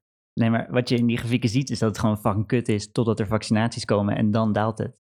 En daarvoor heb je een beetje ruis. Maar dat nee, is daarvoor niet is het echt bewijs. heel duidelijk. Ja, je ziet, je ziet het heel sterk zaagtanden. Ja. Dat, eh, dat klopt. Maar ik vind het ook niet zo'n hele overtuigende grafiek hoor. Want volgens mij, hoe ik de groepsimmuniteit begrijp, is dat zeg maar als er ergens een uitbraak is geweest in een, in een dorp, dan heb je daar meer immuniteit. En die grafiek is heel Amerika bij elkaar opgeteld. En volgens mij is dit effect iets te genuanceerd om, om dan uit die zaagtand af te leiden dat dat dus groepsimmuniteit Ik is. weet zeker dat dan je zou iedereen zien. het tegelijk moeten hebben. Natuurlijk kun je Ik dat vind zien. het- Stel ik dat je bepaalde van, eh, dorpen... Ik vind het een vorm van religie eigenlijk, dat geloof in groepsimmuniteit. Gast, Het is een soort is van, een eh, het wetenschappelijk is net als met. Galileo. En eh, toen mensen zeiden dat de aarde plat was. Maar ik, het hele ik- idee dat het misschien niet goed onderbouwd is. Dat is, Het niet, is niet, het is acceptabel goed voor jullie. onderbouwd. Het is Nee, nee, maar jij, jij ontkent het bestaan van iets omdat het niet toepasbaar is op corona nu. Omdat En- het geen geschikte nee, beleidsgrond is. Ik, Ja. Zeg jij nee, dat het ont- ik ontken niet Je lijkt het, Hugo de Jonge wel. ik ontken niet het bestaan ervan. Ik zeg, het is niet te meten. Het is een eh, blinde vlek en je moet Het hier niet je beleid op absoluut wel te bouwen. meten. Het is absoluut ja, wel te meten, Het is absoluut meten. niet te meten. Het is zeker te meten. Je kan het al nabootsen met eh, fucking eh, bacteriën als je zou willen. Die besmetten met een bepaalde, bepaald Ja, maar ja, bacteriën zijn niet de maatschappij. Zeg wat. maar, Je kan het- een. Wat? Je kan het maar- nabootsen ja. met dieren kan je het nabootsen als je wilt. Ja, je hebt gesloten systeem. schapenkuddes Ja, ja, nee, en nee. zo. En, In een Ja. gesloten systeem in de, in de veehouderij wordt toegepast. Ja, ja. Nee, maar dat is Steven, volgens mij, volgens mij Het bestaat gewoon. Het Ja, bestaat jij- 100%. Jij, jij, Ja. jij, je doet net alsof het net niet bestaat, omdat Ja. het in de huidige maatschappij, Ja. met extreem veel mobiliteit en eh, heel veel mensen, en eh, dat het dan moeilijk vast te stellen is wat Nee, het effect is. het Dus ook- jij het hele bestaan niet- van het fenomeen? Ik doe niet alsof het niet bestaat. Dat, zeg je dat, net. dat zeg nee, je echt nee, net. ik zeg dat het Ja, een blinde vlek religie. is. Je zegt het is Ja, een ja. Je zegt, religie. het is een religie, dus het bestaat En ik niet. zeg, ja, ja, nee, Je kunt ik het zeg niet dat het, dat het, het eh, de mogelijkheid dat het niet een positief effect heeft, eh, dat jullie daar niet voor openstaan. Ik zeg, ik Hè, we zeggen alleen Wij maar- zeggen de hele tijd dat het geen positief effect heeft. Het ja, heeft we zeggen alleen maar dat het geen zin heeft, dat het niet toepasbaar is nu. Het heeft wel positief effect. Want je hoeft er minder mensen door, voor te vaccineren. En het feit Ja. dat het dus gewoon Ja, is aangetoond ook, is klopt. met vaccinatie. Want daarmee zo, simuleer je de situatie. Daarmee Nee, simuleer je de dus- situatie dat je ja. mensen immuun maakt, heel veel mensen immuun maakt. En dan zie je dat je niet iedereen hoeft te vaccineren, zodat het afneemt. Dus als, als je dat als mensen tegelijkertijd iedereen besmet zou worden, maar dat gebeurt in een natuurlijke situatie niet, zou je hetzelfde effect waarnemen. En dus hier is mijn punt met NASA Ja. en met Mars. Ja? Dus zeg maar, kan je je voorstellen dat NASA in hun planning iets wat zo vaag gedefinieerd is dat ze daarop Ja, kom dan, steunen. het is niet vaag gedefinieerd. Kom dan met een voorbeeld. Want je hebt het over NASA inderdaad. Maar met wat, welk fenomeen is zo vaag dat ze die niet mogen gebruiken? Nee, Ja, ze en een gebruiken het dus spaceship? niet. En hoe zeg maar, is ze, zeg maar, vergelijkbaar? ze, ze bouwen in eh failsafes om van het slechtste uit te gaan. Ja. Ja? Want er moet een bepaald resultaat gehaald worden. Ja? Oké, Eh, Steven, ik ga, ik ga juist het omgekeerde. Stel, ze Ja. hebben twee teams. Ja. Nee, nee, Eh, wacht, een- nee, nou Christian, laat me een nou- voorbeeld laat- komen. Nee, maar ik, wou, ik, wou, kan nu al, een ik kan nu al zijn verhaal ontkrachten. Want stel, NASA heeft twee teams. Twee, twee teams van drie eh, astronauten. Het ene team heeft al de griep gehad, die dat jaar rondgaat, het andere team niet. Ja. Welke denk je dat ze de ruimte insturen? Met het minste Eh, risico dat ze de griep krijgen. Ik, ik denk dat het niet daarvan afhankelijk is. ik denk dat ze dus niet... Nee, snap denk ook. Eh, nee. Ik denk dat, ze- dat ze daarmee... Dat ze niet... eh, ik denk dat ze gewoon überhaupt allebei de teams isoleren. Je hebt gewoon voorbeelden van dat klopt, eh, je gaat in quarantaine voor je lancering. Ja, Ja. nee, maar oké. wat- Nee, maar oké, je, hebt, Rick, Ja. je hebt voorbeelden van militaire schepen, 100% vaccinatiegraad, Mhm. waar dan een uitbraak is van een of andere ziekte. Ja. En dan niet dat één of twee mensen het krijgen. Je hebt gewoon een fucking gigantische uitbraak dat 10, 20% van de, van Van de welke- bemanning, welke- waar met 100% vaccinatie. Ja, waar, waar heb je het over, Steven? Ja, ik, ik wil heel graag, ik voorbeeld? wil heel graag een eh, concreet voorbeeld ja, hiervan. een referentie, Ja, ik kan- AUB. een, een bewijs, alsjeblieft. Is goed. Maar Ja, sowieso, wie- wie als ze gevaccineerd waren, dan is de natuurlijke groepsimmuniteit niet erg relevant meer. Want als je Ja. 100% vaccineert en er is toch een uitbraak, dan zegt dat iets over de kwaliteit van je onnatuurlijke vaccin. ja, ze waren gevaccineerd dat tegen tetanus en ze kregen, kregen corona. Bedoel je dat? eh? Nee, nee, ja, ik zal na de show zal ik even googlen. Ineens hadden ze Het allemaal is, aids eh, na een paar maanden op zee. Ja. Ja, ja, maar Steven, kom, kom nou even. Want je Ineens had, waren ze allemaal gay geworden. je had net een voorbeeld van NASA inderdaad. En die zou dan inderdaad iets doen wat zo vaag zou zijn als groepsimmuniteit. Maar vervolgens noem je niet Ja, dat is, het dat is- voorbeeld wat dat zo de- vaag zou zijn als dat groepsimmuniteit. nee, wat ze want niet ze zouden passen mogen het niet toe. toepassen. Zeg maar, dat is, het, eh, dat is de sprong in the imagination eh, die ik van jullie verlang. Ja. Zeg Nee, ja, van jou. Het is, dit is een imaginair, hypothetisch Ja, voorbeeld. precies. Stel je voor dat Ja. NASA Ja. eh, Kan gewoon net niks bedenken. zoiets, Ik vind dat je. NASA een beetje negatief aan het framen bent als bureaucratische pennenlikkers. Nee, nee, Want toen nee, NASA iemand naar de maan stuurde waar nog nooit iemand geweest was. Als, dat, als jij dan de baas was geweest van NASA, had je gezegd: Oh, nou, we kunnen niet eh, in de literatuur opzoeken hoe het is om op de maan te zijn. Dus we moeten het maar niet doen, want het is allemaal drijfzand. En NASA is heel avontuurlijk en die doen allerlei dingen die, eh, waar ze geen idee van hebben. Ze doen maar wat. Ik prijs NASA aan dat ze, eh, dat ze rekening houden met slechte situatie. Dat ze prepare for the worst. en dat ze gewoon die shit aankunnen. Wat ze, wat ze wordt toegegooid. Ja, Het is juist een compliment voor NASA. Dat ze niet met allemaal hocus pocus. Oh, we geloven in antioxidanten en eh, groepsimmuniteit. En eh, Nou, vervolgens geloven ze en in ant- antioxidanten. En volgens mij geloven ze ook nog in groepsimmuniteit. ik weet Dus, niet. ja, ze waren wel allemaal eh, nice aan het... eh, bij die eh, landing op Mars waren ze allemaal double masked, hè? Dat vond ik wel cool. Gewoon als extra hyperparanoid. Niks aan het toeval overlaten. Double masken. Ja, Maar- nou dat zegt toch niks of ze over groepsimmuniteit geloven? Nee, nee, maar ik vond het gewoon cool van ze dat ze dat deden. Nou, gelukkig doet Elon Musk het wel helemaal perfect. En niet als NASA met allerlei. Elon Musk gelooft Vage- tenminste niet in corona, Ja. toch? Hij gebruikt geen vage, abstracte vaagheden om een eh, spaceships eh, te bouwen. Dus eh, goed dat je NASA gebruikte en niet eh, SpaceX, want dan was je verhaal gelijk eh, plat. Elon Musk is slimmer dan dat. St- Steven, ik heb nog één hypothetisch voorbeeldje voor je. Ja. Oké. Stel, het is eh 30.000 voor Christus. Mhm, En je hebt een paar mensen die wonen in een hol. Zogenaamde holbewoners. mhm, Beetje zoals wij. mhm. En dan Wet krijgt 1919. eh, eentje die Ja. krijgt eh, de griep van de Neandertaler, omdat hij Neandertaler heeft gepaald. Eh, en dan krijgt iedereen in zijn grot krijgt dezelfde ziekte. En daarna hebben ze allemaal immuniteit. Hoe zou jij dat noemen? nee, Rick, je moet ze allemaal behalve één immuniteit geven. is- Anders werkt het niet. Dit is een soort Plato. nee, nee, nee, eh, dit is gewoon. Ik, dit is, allegorie, het maakt niet eh, uit, Rolf. de Het, gewoon, het gaat gewoon even over. Hoe, zou je die, hoe zou je dat, hoe zou je dat met deze- beschrijven? Met deze vraag is duidelijk dat je niet snapt wat ik nou bedoel. Ik word zo verdrietig hiervan. Maar, ik probeer het uit te leggen, maar niemand snapt het. Maar het is echt niet zo raar wat ik zeg. Maar nee, dat zou ik groepsimmuniteit noemen. Dat zijn groeps. En, en, Ja, ja. oké. en, en dus eigenlijk wat jij bedoelt is toch puur en alleen dat het niet zo handig is om op natuurlijke immuniteit te sturen voor Dus, overheidsbeleid. Oké, laatste poging en dan is het klaar. Het gaat om... eh, Het is een religie, toch? Maar kunnen ze nu Eh. daarna in die grot gratis oneindig Neandertalers patsen? ja, sowieso. Ja, ja, Nice. ja. In, in mijn, Nice, in mijn nice. fantasie wel. Zeker. Maar dus, dus het gaat 40 om, van die Neandertaler eh, meisjes vastgebonden aan een boom ergens. Het, ga- het gaat om openheid over de mate van zekerheid. Eh, Openheid over de mate van zekerheid. Dus, dus je, hebt, je hebt bepaalde dingen zoals de, de aarde is rond. eh, Mhm. Daar zijn we best wel zeker over. En je hebt bepaalde dingen. Groepsimmuniteit heeft een positief effect. Dat is allemaal een beetje Ja, vaag. volgens mij is de aarde een soort Nee. elliptoïde, toch? Groepsimmuniteit, daar zijn we, daar, dat is net zo zwaartekracht. Het is een wiskundig fenomeen. Het is gewoon een afgeleide Ja. van dat mensen Nee, het virus nee, niet meer kunnen niet. verspreiden nadat ze Absoluut Maar als. Hugo de Jonge open gaat doen... te over- modelleren. Dat is gewoon te modelleren. En dat is gewoon nee, net zo absoluut niet. fucking is zeker. absoluut niet als te modelleren. Het is complex. Nee, Als het, is echt te, het, is, het is echt wel te modelleren. nee. nee. Dus, Wat dus jij? Ja, jij ontkent ook het SEER-model, Steven. Ja, inderdaad. Eh, ja, het CER-model heeft best wel wat problemen. Ja. Oké. Eh, het het SEER-model, dames en heren, is het model waar alle infectiewetenschap op de wereld op gebaseerd is, zo'n beetje. Ja, maar dat is Eh, helemaal vaag. Ja, Staat voor-. Susceptible, Ja, infected, dat zou ik niet gebruiken. recovered. Of infectious, Ken je het recovered. SEER-model niet? Ja, ja, ik ken het CER-model. Oh, Ik weet het. Ja.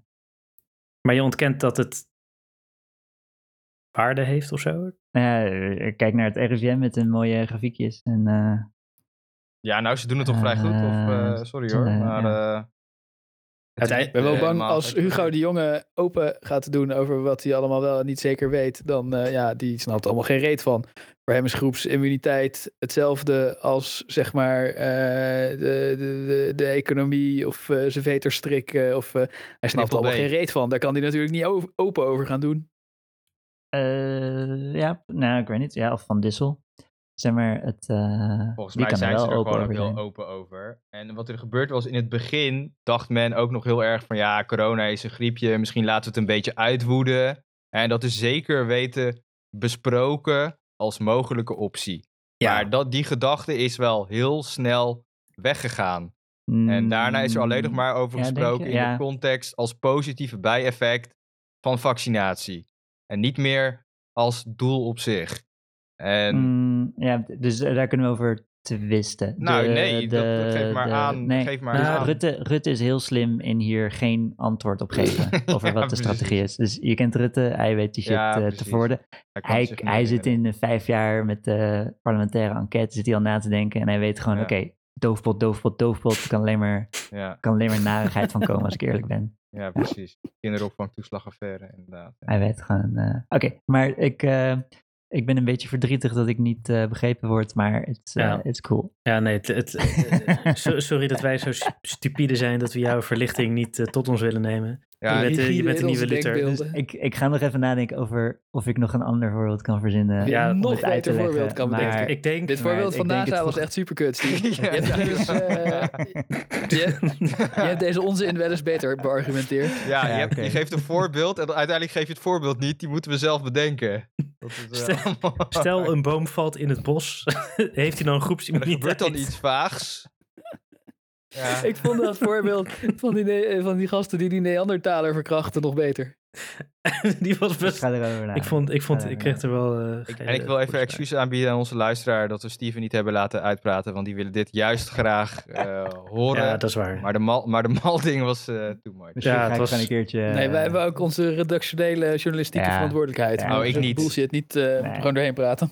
Volledige, Ja, het volledige Hey, maar zou er goede, eh, zeg maar, eh Neandertaler eh, porno zijn met... eh, Oh, zeker. Die heb ik wel eens gezien. Zelfs 3D-Neandertaler porno. wat in eh, CGI of zo? Nou, gewoon mensen die, die dan een soort grote schedel eh, make-up hebben en dan... Ja, ja. Zo'n Oh, zo'n nice. Ga ik straks luipaardvel. even zoeken. Ja, ik vind Als trouwens niet dat luisteraars we, nog goede linkjes hebben, stuur maar. ik vind trouwens niet dat we Podcast.gmail.com. journalistieke verantwoordelijkheid eh, hebben. Maar eh, Ik ook niet. nee. Dus, eh, jullie, gaan, jullie gaan verbaasd staan over dat voorbeeld van de militair schip met de uitbraak, ondanks van... Oké. Oké, oh ja, hier, Het komt, hier, komt de truth, hier komt de red pill, jongens. Red Het is, pill. gewoon, het is gewoon interessant. het is gewoon interessant. Maar als je voorbeeld... eh, Oh ja, dat eh, vond ik ook al zo vaag. Als je voorbeeld iets is waarbij 100% van de mensen een vaccin hebben gekregen, dan heeft het natuurlijk niks met natuurlijke groepsimmuniteit Nee, te nee, maar maken. dit nou, ging dat over... is dus zijn over claim dat, dat, dat, dat het eh, vaccin dan wel werkte, Nee, nee, maar dat jullie, groepsimmuniteit niet. eh. jullie Ja, moeten een zoiets, maar het beetje... vaccin werkte ook niet. Ja, oké, we gaan eens weer. It's okay, it's okay. De- de- Rolf, je bent gewoon nog niet klaar voor de red pill. Oh ja, oh ja. Hmm. Volgende keer, vol- volgende keer moet je even het onderwerp echt eh, reserveren als item. Dan kan ik alvast mentaal voorbereiden. Dan kan ik me rage inhouden. Nee, deze Ja, was hij had, hij had als er wel eens een heel klein mini-follow-upje Ja. ingeboekt. Maar toen hadden we het er toch al over van dat gaat echt een uur duren. Dat Ja, omdat jullie zo triggered raken. Ja. Dat, dat Ja. explodeert, jongen. Nee, maar jij zit ook gewoon expres... Ik, ik, ik Ik denk zit de helft... onzin te vertellen. Ja, ik vind het wel cool hoor dat je het doet. Ik vind wel... Ik, ja, ik vind het ook geniet, leuk. Ik zit ervan te genieten. Ik geniet echt van jouw Ja. onzin. Dus wat, ik, ik waardeer het eigenlijk. Dat is het. Ik, eh, ik moet erover ophouden, want ik wil doorgaan. Maar het is goed. Ik vind De 3 lijn- tegen 1 ook een van de beste discussievormen. echt een goede debatstijl. Maar het maakt niet uit of ik die ene ben of die drie die ene zijn. is ook leuk. Maar dat is Ja. echt... eh, Ja, ik vond het ook wel leuk met de klassendiscussie. eh ja, precies. om dan eh, even de één te zijn. Dat is ook wel grappig. Want je, je bent gesterkt in je onzin. Je voelt je echt, als prediker van je onzin, voel je echt een- gewoon... Ja, voelt lekker. Ja, vooral als je theorie ook is dat er een of ander complot is eh, om, eh, een, eh, om, om iets erdoor te drijven. Dan is het juist lekker als iedereen, zeg maar, als, als meerdere mensen samen tegen je in gaan praten. Want dan, eh, Jullie zijn allemaal schapen. Dan, Nou, ja, dan horen ze juist bij het complot. Dat sterkt je in zulke denkbeelden. ja, en Ja, het ik- leuke is, hoe meer complotten je hebt, op, misschien is er eentje waar. En dat hoop je. Eén golden nugget. nou, ja, Steven als, denk je dan dat ze was, er allemaal waar als, zijn? was er als eerste bij met eh, corona. Van hey, dit eh, werd erg eh, alarm, alarm. Dat weet ik nog goed.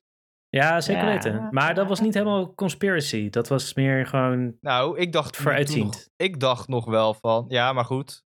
Dat betekent wel van, ehm, soms, hè, de klok, klok staat eh, wel eens eh, twee keer gelijk op een dag. Ja. Dus Ja. deze heeft hij gewoon eh, goed, eh, goed eh, gezien. Nee, iedereen Ja. zat in zijn hoofd met die vorige pande- weet je, die pandemie die dan uit, uitvizzelen. ja, die Mexicaanse griep. eh, Ja, ja. ja. Precies. Maar, Ja, maar jongens, we moeten ook nog malden over iets oh anders. ja. Want eh Lade Gul, de mooiste vrouw van Turks Eh, daar wou. Rolf een boekbespreking bij houden, geloof ik. Ik weet niet of dat ook het... Ga je dat nog steeds doen? Een Ja, boekbespreking? ja, zeker. Ja, het is alweer een half jaar geleden dat ik het heb gelezen, maar ik heb ook eens een boek gelezen, dus eh, daar moet ik nu natuurlijk interessant Nice. over doen. Nice. Ja. Ja, snap ik. Ik heb hem ook ik heb gelezen. een boek gelezen. Ik, ben- ga ben bij de lezen van Lale Gül. Je hebt hem ook gelezen, Steven? Ja, laatste 20 bladzijden nog niet. Die moet Ah, ja. nog, maar de rest wel. Ah, Oh ja, Ja, spoiler hem ik weet keihard. niet meer precies wat er op de laatste 20 bladzijden staat, maar eh, Ik denk dat ze Eh, verder zeikt over moslims. Ja, precies. Ik zal hem even spoilen. Ja, ze gaat eh, een gedicht aan het eind, kan ik je vertellen. Maar shit. eh, ik heb hem hier voor me liggen. de item Hey, muziek. mijn ringtoon. Short-versie is beter. Oh ja. Ehm, maar ik heb het gelezen. Ik vond het een goed boek. Het is eh, vermakelijk. Het is iemand die, eh, die, die, die goede eh, taalbeheersing, eh, die, die goed kan vertellen en, een, eh, en iets bijzonders heeft meegemaakt. Je hebt ook Dus, Nederlands eh, gestudeerd, toch? Dat klopt. Nou, dus wat ze is Nederlands aan het studeren. Oh, bezig. Ja, oké. Nee, ze is, eh, en ze heeft het geschreven toen ze de tweedejaarsstudent Nederlands was of zo. Ja. Maar eh, het was eh, altijd al eh, natuurlijk eh, geïnteresseerd in, in, in taal en eh, schrijven. En, eh, Proza en schrijvers. poëzie. ja, ja, ja. Maar het is een heel mooi verhaal, want eh, zij is uit Amsterdam. En haar ouders zijn, eh, uit, eh, komen uit Turkije. En die hebben hun Turkse eh, tradities nogal meegenomen naar Amsterdam. En nou ja, iedereen kent het verhaal wel. En ze onderdrukken haar. En zij vindt dat niet leuk, want zij is gewoon Nederlands. En heeft ze een boek geschreven waarin ze die ouders finaal de grond inschrijft. Mhm. En het Ja, is later vooral in het nieuws gekomen, omdat die ouders dat niet leuk vonden. En een grote ruzie is geworden. En alle, als, je, als je op tv komt omdat je iets over moslims hebt gezegd, dan krijg je natuurlijk, eh, gaan meteen 500 Mongolen je met de dood bedreigen. Ja, vooral als je moslim zelf bent. Ja, ja. Want dat, eh, dat, dat kan al helemaal niet. Ja, anders ook. Een, Maar goed, ik wou eh, daar, daar straks vast nog. eh te, te, het zegt allemaal interessante dingen over de Nederlandse samenleving. Maar ik wou nog heel even over dat boek zeggen. Dat het dus ook. eh, dat het niet alleen maar gaat over hoe kut moslims wel niet zijn. Maar eh, gewoon over. Ook over hoe kut eh, er ouders zijn als ouders. Ja, nou, over dingen die zij zo al meemaakt als eh, een, een, Nederlander met migratieachtergrond in de grote stad. En eh, ook, ook over hoe kut Nederlanders zijn. En eh, hele grappige stukken. Ze heeft VWO gedaan. En ze ging of, eh, ja, het, het wordt uit het boek niet helemaal duidelijk of ze gymnasium doet, maar ze gaat wel op Rome reis. Dat is een grappig stuk. Ja. Gaan ze met haar klasgenoten, gaat ze gewoon zitten zuipen op de hotelkamer, weet je wel, Rome reis. Maar dan ook over eh, de problemen van de internationale politiek en Palestina en dit en dat. Ja. Gaan ze zitten discussiëren. Gaat alle kanten op. eh, ranten. Ze hadden zo'n monoloog rant over hoe de wereld in elkaar steekt. En eh, Oh, daar ik wel van. ja, ja, het, is- het is best wel. Ja, ik het is vond heel die mooi. verschillende stijlen in het boek van chill. Die, eh, Het is een hoofdstuk dat ze gewoon de hele tijd haar vriend aan het pijpen is. Oh ja. Oh, Daar ook ah, nee, dat, wel- kan, dat kan ik niet lezen. Die was. eh, nee, zal ik het even van je voorlezen? Dan word ik jaloers. die, Ja, die ging ja. best wel lang door Ja. ook. Ik zat. Ik zat eh Nee, Rolf, hou op. Maak Ja, me ja. gek. OnlyFans. Go. Ik zal even een klein stukje eh, eh, speciaal voor Rick. Ehm, eenmaal thuis voegde hij de daad bij het woord. Hij tilde me op en gooide me hardhandig op zijn bed om mij genadeloos over te nemen en elk verzet neer te slaan met zijn enorme armen met de vele blauwe aderen, extra zichtbaar op zijn bleke huid. Ik had weliswaar ook een best blanke huid, maar die had een andere gloed over zich, een warmere. Hij was ongeduldig, gaf me geen gelegenheid om me uit te kleden, jaste mijn panty en string tegelijk naar beneden en mijn rok over mijn billen. Met zijn andere hand draaide hij me om. Hij schuurde zijn bakstenen vallus onder mijn inmiddels botergeile opgezwollen vrouwelijkheid. Ik kreunde terwijl zijn ballen tegen mijn clitoris kwamen, die dan extra gevoelig was. Ik draaide me naar hem toe, begon hem innig te zoenen, zoog af en toe zachtjes aan zijn onderste lip en keek hem veelzeggend, bijna smekend aan. Ik duwde hem op zijn rug en begon zijn eikel met mijn volumineuze lippen te verwennen. Ik likte, kuste, zoog en sabbelde op een rustig tempo. Soms liet ik een zachte kreun vrij, zodat hij de vibraties van mijn stem kon voelen, terwijl ik zijn vallus met zijn lippen omsloot. Ik stak hem aanvankelijk nog niet achter in mijn keel. Ik deed hetzelfde met zijn ballen, die ik extra teder kuste en waar ik af en toe aan sabbelde, waarna ik weer mijn lippen naar zijn eikel leidde, terwijl ik met vochtige, zachte, hete tong er rondjes omheen draaide en tegelijkertijd zachtjes zoog. Hoe lang gaat dit door? Ik, eh, Ja, Wat fucking gaat lang, door? een paar Ga door, bladzijden. verder. Nou, Rick? Als je de rest wil lezen, Nee, ja, ik, vind, Nee. ik vind het echt totaal niet geil. voor 10 euro eh, lees ik het helemaal aan je voor. Hey, wat, wat, wat breek je nou mijn... eh Ja, omdat ik, ik, word, ik word er niet geil van, Christian. Godverdomme, man. Ja, maar de andere nee, mensen wel. edge. Even lekker edge, Christian. Weet je, Oh, edge. jongen, hele- helemaal buskill. Helemaal slap nu. Jij kan niet fappen zonder fap, achtergrond, fap of zo. Ja, een verhaal van Rol voorbij en met uh, Lale Ghoul en... eh, ja, wil ik nog wat verder gaan? Ja. ik begon te pijpen. En als ik mijn hand daarbij wilde gebruiken, haalde hij die weer weg. Soms bond hij ze zelfs vast. Hij wilde alleen mijn lippen en tong. Het pijpen duurde nooit lang. Hij werd ongeduldig en kwam brooddronken op me klimmen om in me te komen. Maar dat mocht niet van mij. Ik wilde eerst dat hij met zijn tong mijn sap proefde. Als ik begon te kreunen, ging hij automatisch sneller te werk, om daarna te pauzeren en af te bouwen, mijn orgasme uitstellend. Ik voelde zijn hete adem in mijn kut. Hij zoog al het kutsap dat vloeide tussen mijn benen op en sabbelde en likte aan mijn schaamlippen, zowel de binnenste als de buitenste, stuk voor stuk en dan alles bij elkaar. Soms spoot hij ook slagroom in mijn kut om het daarna gulzig op te likken. Dat lijkt me overigens... Gadverdamme.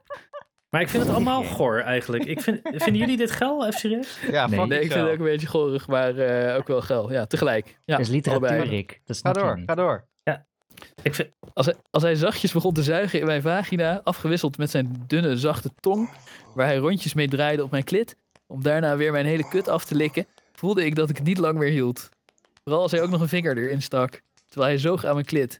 Hij wist behendig te werken met zijn vingers, raakte precies de juiste plekken op de juiste momenten. hoe lang gaan we dit doen? Gewoon, Ja, af- nee, dat eh, gewoon afmaken. tot Christian klaar is. Ja, precies. Ik heb het idee dat Christian echt zit te fappen. Dat hij alleen maar de fap als camouflage aanzet. Ja. Dat hij gewoon een soort fapcamouflage... ik, ik hoor hem een beetje dubbel of zo. Ja, eh, ik weet niet wat ja. het is. Zie? Ja, ga- Ja. Maak hem af dan, Rick. Onderbreek hem niet de hele tijd. nee, maar ik, ben, ik vind het gewoon niet... Ik vind het gewoon zat. Jongen, jongen. Preuts... eh Chris, Wat? Ben je moslim of zo, eh, Rick? Ja. Ben je moslim inderdaad? Wat de fuck? Hè, nee, ik ben, dat, ik ben het fapgeluid zat.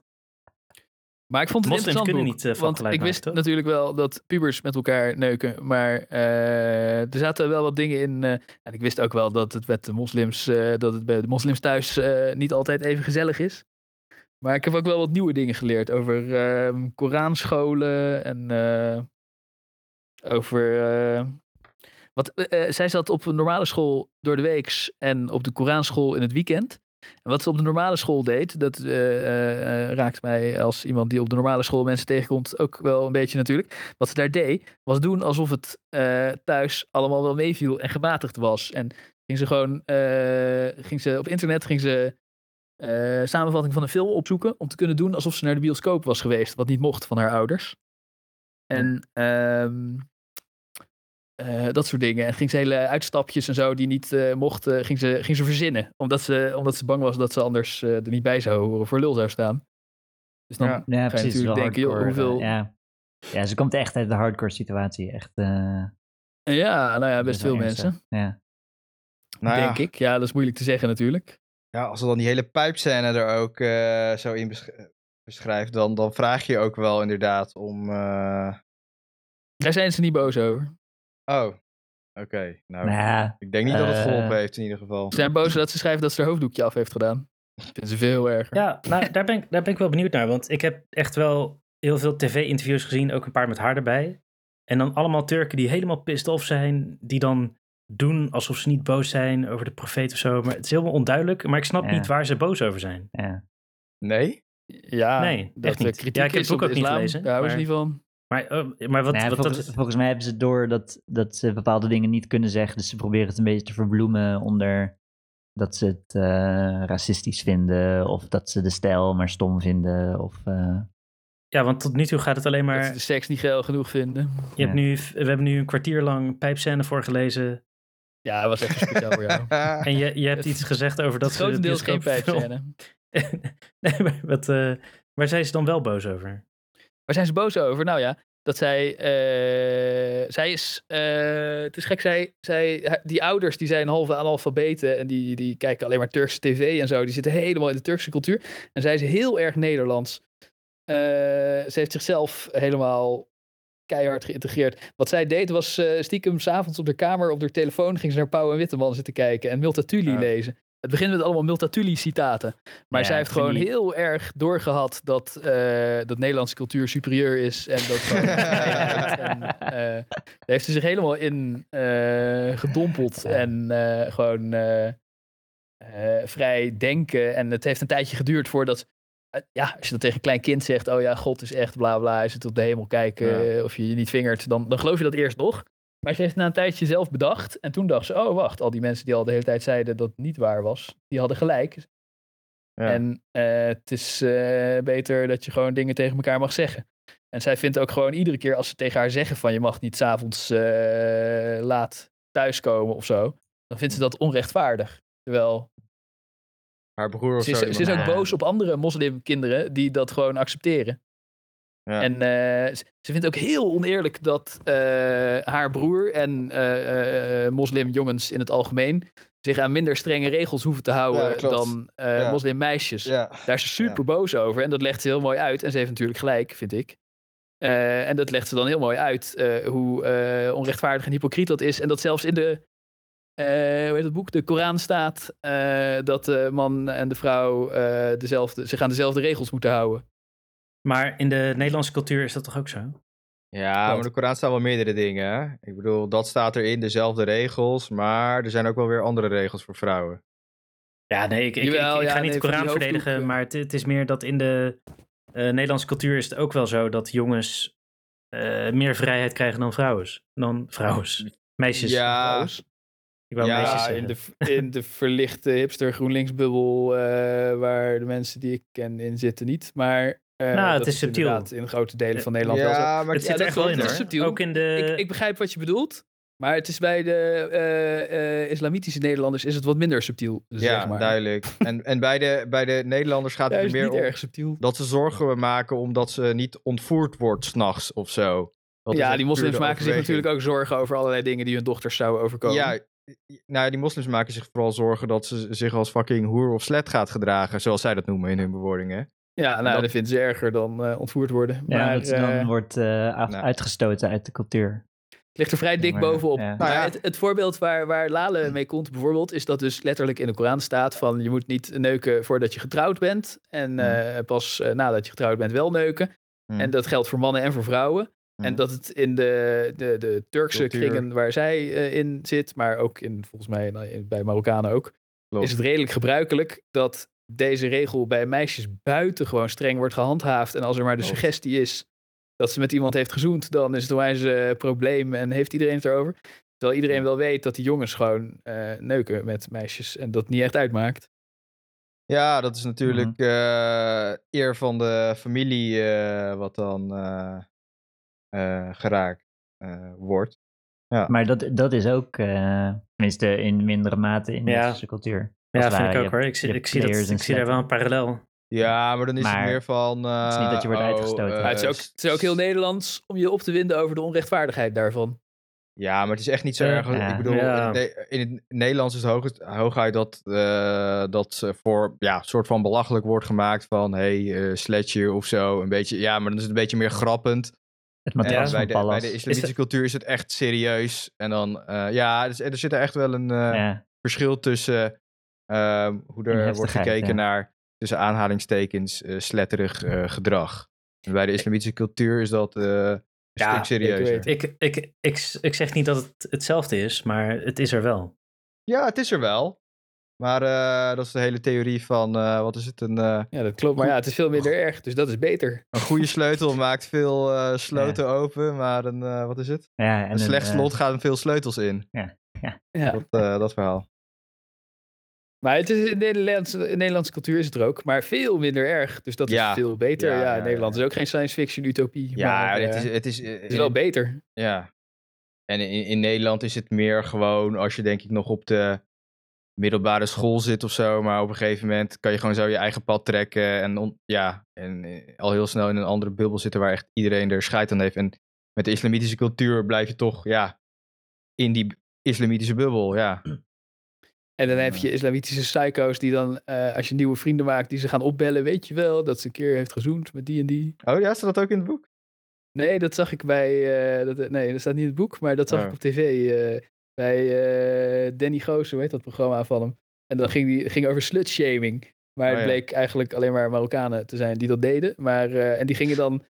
Ja. dan ging ze een foto van eh meisje de Tieten, wat ze niet eens zelf hadden gemaakt, maar een keer doorgestuurd gekregen. En dan ging, ze, ging dat meisje naar een andere school, omdat ze het niet meer trok dat iedereen eh, helemaal eh, alleen maar eh, twee jaar lang het daarover had. En dan ja. gingen ze gewoon die nieuwe school, gingen ze kijken in welke klas ze zat, al die mensen Facebook stalken, foto van de titel van dat meisje sturen. Ah, ja. En dat was wel, daar was ik ook wel van onder de indruk. Wat een kansloos gedoe dat was. Helemaal wanhopig.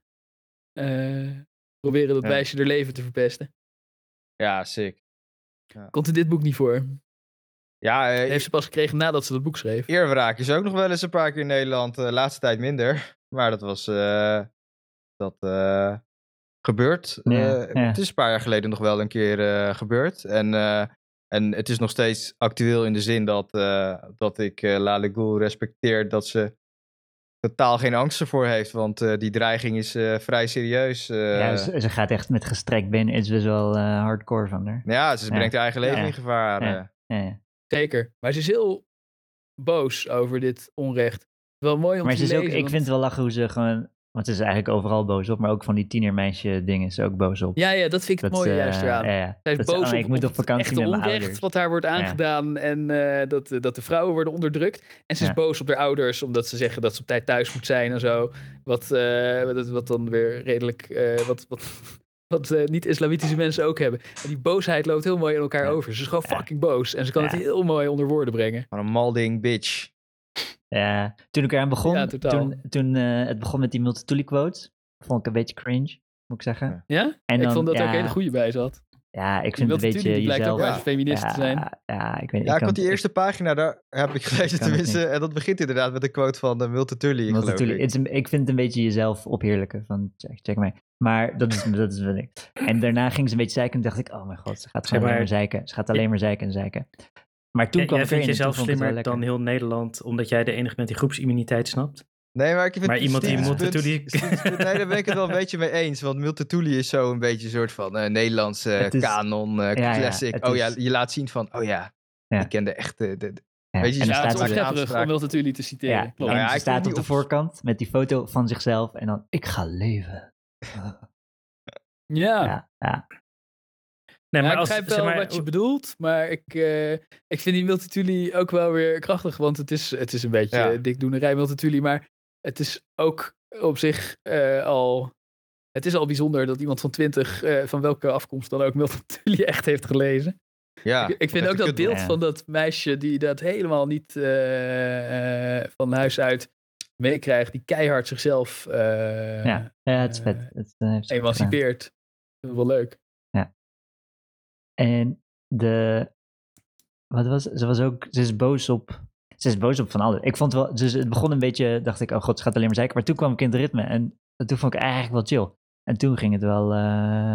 toen kwam ik er wel lekker in. En het heeft verschillende Ja. stijlen. Dat vond ik wel relaxed. Dus die. Eh, af en toe barst iemand in een eh psycho-monoloog eh, uit. Wat Ah, ja. ook wel lach is. Ja, dat is chill. Ja. En die, die, die ouders, die, die de analfabete Turkse boeren zijn, die zijn in haar verhaal ook heel wel bespraakt. Ja, ja, precies. Dat is ook zo mooi. Die houden ook Ergens hele betogen ja. over de verdorven maatschappij Ja. en zo. Terwijl dat natuurlijk eh, Een uit, monoloog de, van uit de vier rest van het bladzijden verhaal blijkt dat die, over, dat die ouders zulke dingen niet kunnen zeggen. Maar de titel had meer moeten zijn, ik ga malden. nou, ze is niet alleen maar boos. Nee, ik vind... eh, ehm, zij is ook boos over dingen die ook echt verkeerd zijn. Dus eh, dan, dan mag het ook wel. Nee, maar ze is Ja, ook boos. Ze is ook boos over dat het onduidelijk is wanneer een kind nou bij de mannen moet en wanneer nog bij de vrouwen mag op feestjes. En dat daar een beetje vaagheid over is, welk moment dat is. En dat het niet eh, dat het gaat om wanneer iemand een snor heeft of zo en niet op leeftijd. En dat is niet eerlijk. Dus ze is ook boos over triviale dingen, weet je. Is, Ja. wat, hè? Is, dat, is dat een regel? Ja, Nee. ja, ja, dat klopt Ja, wel. Boos over het fenomeen dat feestjes gescheiden zijn en Ja. dat dat tot allerlei onzindiscussies leidt. Ja. Zijn Oké. Ja, ja, en dat, en Ja, ja, dat feestjes zijn dan- gescheiden En dat natuurlijk. dan bij strenge de, de, beslissing, Ja. de beslissing van wanneer een jongen een man is, dat daar een beetje vaagheid in is, daar, is ook, daar gaat ze ook helemaal over los. Ah, dat kan echt niet. En ze is boos dat moslims met alcohol op de foto gaan voor een bruiloft of zo. Dat is hypocriet. Oh ja, niet. dat vond ik ook Ja. lachen. Zo'n heel stuk over bruiloften Ja. in de Turkse cultuur. Fantastisch. En dan laten ze zich inderdaad fotograferen met dure flessen wijn, waar ze Ja, dan niet uit drinken. Dom Perignon. Voor, voor hun Dom Insta. Perignon. Ja. Ja. Maar ik, maar ze ik drinken vind- er niet uit. The Nee, maar het is wel een soort Hè? luxe product, dus ze willen ermee op de foto. Oh. Cool. Maar ik bedoel, dat vind ik juist cool. Weet je, hypocrisie eh, waardeer ik wel. Ja, ja, maar Maar, zij is ook niet boos over die eh, bruiloften, toch? Jawel. Zij vindt ja, het ook tenminste, was in boos mijn- over alles. in, mijn, in de stem die ik in mijn hoofd heb, is echt... pa, pa, is alleen maar aan het zeiken. Maar ik, oh nee, ik eh, vond dat ook wel... eh, Dat van die bruiloften ging ze een beetje uitleggen. Ja, het was Ja. het is nice. Ik vond het wel cool. En wat ik heel interessant vond, was ook de Koranschool. Dat, eh, ik had er wel eens van gehoord dat het bestaat. Maar de- deze eh, omschrijving, dat vond ik eigenlijk het meest ontluisterende wat ik niet wist over hoe erg het eigenlijk is. Die Koranscholen. Dit, eh, daar moeten ze dan twee dagen, zaterdag en zondag, gewoon van, van 8 uur s ochtends tot 5 uur s middags naartoe. En dan worden ze gewoon keihard, keihard, keihard geïndoctrineerd. Echt niet normaal. Ja. Ja, klopt. Dat, eh, Klinkt een beetje als ook wel de shocking. christelijke scholen die we ook hebben. En ze is ook... Nee, Mhm. Nee, klinkt niet als de christelijke scholen. Wacht, ik zal ook een stukje over die Koranschool Ja. voorlezen. Het is een beetje anders dan de christelijke scholen die we ook hebben. Oké, ik wou jullie een stukje voorlezen over de Koranscholen. En daarna wil ik graag dit fenomeen met jullie evalueren. Want het is, eh, het is erger dan ik van tevoren had gedacht. Daar komt ie. Op de Koranschool leerde ik vooral de huishoudelijke regels van het geloof. En over het leven van de profeet. Vrede zij met hem. Dat bestond vooral uit veldslagen, viel me op. Het ging altijd over slagen, oorlog, strijden, ongerief. Alle docenten waren verwoed Erdogan-supporter en waren buitengewoon bezield door de Turkse politiek, maar hadden het ook vaak over geopolitiek, voor zover deze iets te maken had met moslims, zoals het eeuwige Israël-Palestina-conflict en de Irak-oorlog. De wereld was in hun ogen immers verdeeld in twee kampen, de Oema en de rest. Oema zijn de moslims. Hmm. Dat is wel curieus, aangezien de moslims dan ineens gezien werden als één solide blok, terwijl de nalatenschap van Mohammed verworden is tot een oneindigheid aan clusters en schisma's die elkaar rouwlusten en letterlijk elkaars bloed wel kunnen drinken. Het islamitisch eilandenrijk was nauwelijks een archipel te noemen. Als je een godzalige Turk en een Palestijn in een kamer stopt en ze laat converseren over de grondslagen van de leer, zou er geheid oneenigheid komen. Een Turk en een Turk evenmin. We zijn geboren schismatici. We kregen doorgaans abominabele... Ja, mooi hè, schismatici. We kregen, we kregen doorgaans abominabele beelden te zien van leidende moslims in Gaza, Irak, China en Burma, die tot achter in mijn hoofd drongen en waarbij ik fysiek pijn voelde. Daarbij vertelde de juf, die overigens geen woord Nederlands kon en illegaal was, zoals meer medewerkers van de moskee, en zelfs sliep in de moskee, dat dit het bewijs was dat niet-moslims ons altijd vijandig gezind zouden zijn, totdat we van ons geloof vielen. Die beelden waren weerzinwekkend en choqueerden me. Ik kon er nachtenlang niet van slapen. Ik ontwaarde mensen en kinderen die gewetenloos afgebeuld werden in Irak. Een baby in een plas water werd steeds met een apparaat elektroshocks toegediend, omdat het een Rohingya, ofwel iemand van een moslimminderheid in Myanmar was. Hij krijste de longen uit het lijf, elke keer als hem stroom werd toegediend door de extremistische boeddhisten. Die indrukken kreeg ik nooit meer van mijn netvlies. Een mevrouw was kijvend en krijzend aan het verhalen dat haar man gekastijd was door de Amerikaanse soldaten in de Abu Ghraib-gevangenis. Dat ze zelf al tig keer onteerd en verkracht was. Mijn gemoed vulde zich met wrok tegenover de vijanden en de regeringen die dit niets daartegen deden, waaronder Nederland. Dat vonden Maar- de christenen. Ja? Zeg maar, eh, ik, ja, sorry dat je onderbreekt, maar tot nu toe is alles wat ze zegt waar. Eh, eh, ja, want ze vertelt over iets wat ze heeft meegemaakt waar ik niet bij was. Maar Nee, ga ja, nee, ik uit bedoel het waar over- is, ja? Eh, wat, wat waar is, is dat moslims eh, inderdaad onderdrukt worden al zolang even, ik als moet- dat christenen bestaan. Misschien moet ik even bij toelichten dat ze tien is. Op, op het moment dat ze, dit, eh, dat ze deze Ja, maar lessen het, het krijgt. punt is, ja, het punt is dat het Ja, lessen zijn niet? die ze in eh, klas krijgt. Ja. Ja, maar god, ja, het is wel waar. Maar ik, ik leg dat ook uit aan de 17-jarige. Ja, wij leren toch ook dat de-. Over de concentratiekampen eh, en dat de nazi's verschrikkelijk waren. En, eh, is dat echt zo gek? Eh, nou, maar wacht even hoor. Er stond, ik weet niet of je luisterde, maar Ja, er stond zeker. ook in een bijzinnetje. Sorry dat ik je luisterendheid aanval. Zo bedoel ik het niet. Maar eh, mijn gemoed vulde zich met wrok tegenover de vijanden en regeringen die niets daartegen deden, waaronder Nederland. Dat vonden de christenen juist geweldig, zei de juf. Ik nam het klakkeloos aan.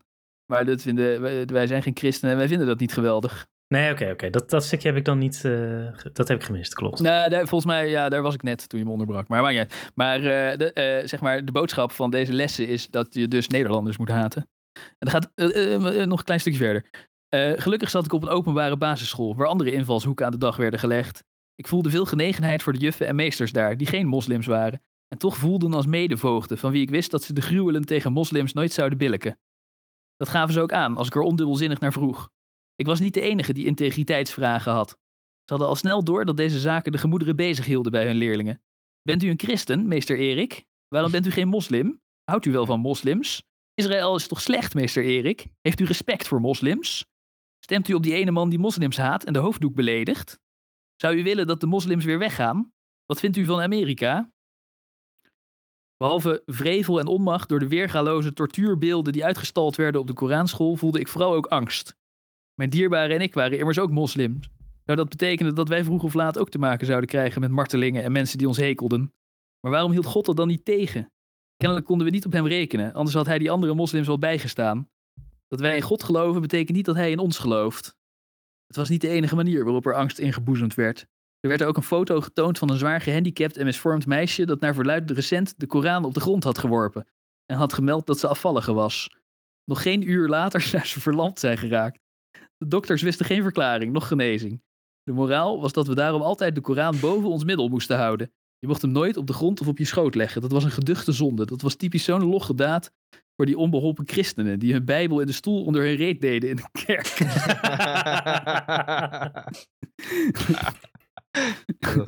Eén keer liet ik de Koran vallen voor de neus van de juf en raakte ik in een buitengewone beklemdheid, waarna ze zei dat ik vergeven werd als ik het boek drie keer een kus gaf en tegen mijn voorhoofd aandrukte. Ik maakte er voor de zekerheid zes van. De ongeboeide, nuchtere en relativerende houdingen van de atheïstische en sympathieke docenten op school vrat aan mijn argwaan tegenover niet-moslims. Of zoals ik ze toen nog zag, christenen. Ze waren totaal niet gepassioneerd en waren zelden, stellig in hun antwoorden. In tegenstelling tot de docenten die ik kende van het weekend. Die lieten soms zelfs tranen. Daar werd ik ongemakkelijk van en kreeg ik kippenvel van. De goddeloze docenten daarentegen waren vooral luchthartig en grappig. Ze leken zich meer zorgen te maken over het feit dat wij ons hier zo mee bezig hielden. God en dan citaat: God bestaat helemaal niet, jongens. Dat zijn allemaal verzonnen verhalen van mensen. Echt waar, maak je niet dik. Ik vond dat stiekem erg fijn om te horen. Prettiger dan die temperamentvolle vertogen op de moskee. Prettiger dan die met een megafoon uitgeruste emoties. Het leek me te emanciperen van het gevoel dat ik me zonder keus een component moest voelen van een enorme mondiale groep met allerlei beletsels en veel leed. Juf Hatis, dat is die van de Koranschool, zei dat we dag en nacht moesten bidden voor onze broeders en zusters die lijden. Maar ik had helemaal geen zin om elke dag na te denken over oorlog en baby's die vermoord werden vanwege hun moslimschap. Ja. Het maakte me weemoedig en vooral boos. Ik wist niet waar ik met die opgekropte gramschap heen moest. Nou, zo gaat het nog de hele tijd door. En Ja. eh, ze is dan bezorgd over haar kleine zusje. Want die zit op een. eh, want zij zat op een openbare school. Waar, ze dus, waar die leraren haar erg, erg hebben geholpen. Dit heeft mij ook erg geïnspireerd. Dat deed ik al. Om tegen al die christenen te zeggen: God bestaat niet. En tegen Maar, moslims in eh, de klas? Ja, ook. Ja. Maar die willen daar niet over praten met mij. Ja. Maar. eh Ja. of nou ja, tenminste. Eh, de, eh, eh, sommigen wel, maar die geven me dan ook gewoon gelijk. Maar, en zij maakt zich zorgen over haar zusje, want die zit maandag tot en met vrijdag ook op een islamitische school. Ja. Dus ze denkt, hoe, waar moet dat heen met dat zusje? ja. En ik dacht ook, jezus, waar moet dat heen met al die kinderen die de hele, gewoon kleine Dat- kinderen die non-stop dit en geen tijd hebben voor weekend. ja, geïndoctrineerd worden inderdaad. ja.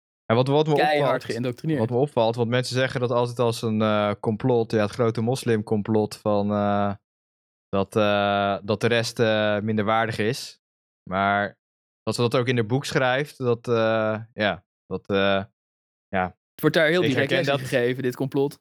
ja, ik, ja, ik herken dat ook, dat, dat, dat, dat, dat, dat, dat ze dat zo zien. Tenminste, ja, je ziet het, ja, als je dat, er zijn er genoeg die denken van, ja, nee, ja, we moeten ons wel een soort van aanpassen of aanpassen aan de Nederlandse maatschappij. En we zijn liberaal en vrij. Ze zeggen dat altijd, maar eh, nou, ik moet zeggen, als ik heel eerlijk ben, eh, de meeste moslims eh, die ik ken, die zijn, die zijn prima toe, altijd naar mij toe prima geweest, maar ehm, ja, of, of dat toch niet ergens in een soort van achterhoofd zit van, oh ja, nee, ja, dit is een kafir eh, of eh kufar of hoe ze dat ook zeggen. weet Hey, maar-. Ja, ik weet niet wat, welke moslims jij kent, maar eh, dat Maar dat andersom is iets dan? Wat ze... Zeg maar, westerse seculariteit. Hoe superieur vinden wij dat wel niet? Ten opzichte van de rest van de wereld.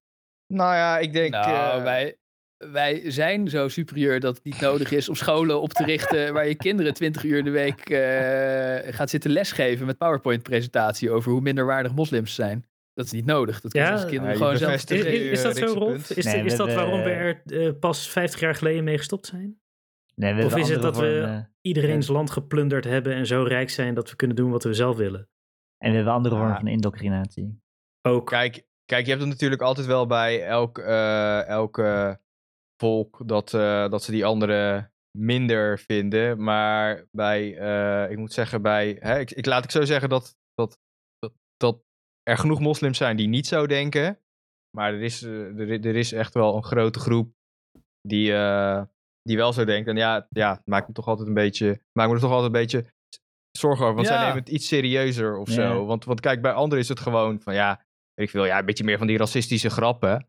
Maar niet, niet dat ze echt denken van, oh, ze zijn echt minder. Ja, tenzij je echt eh, white power bent of zo, of whatever. Maar dan, zeg maar, de extremisten. Terwijl, terwijl ik heb toch het idee dat dat bij islam wat meer mainstream gedachte is. Dat, eh, dat de rest eh, minder waardig is. Maar dat is bij christenen ook, toch? Die vinden ook iedereen minderwaardig die niet christen is.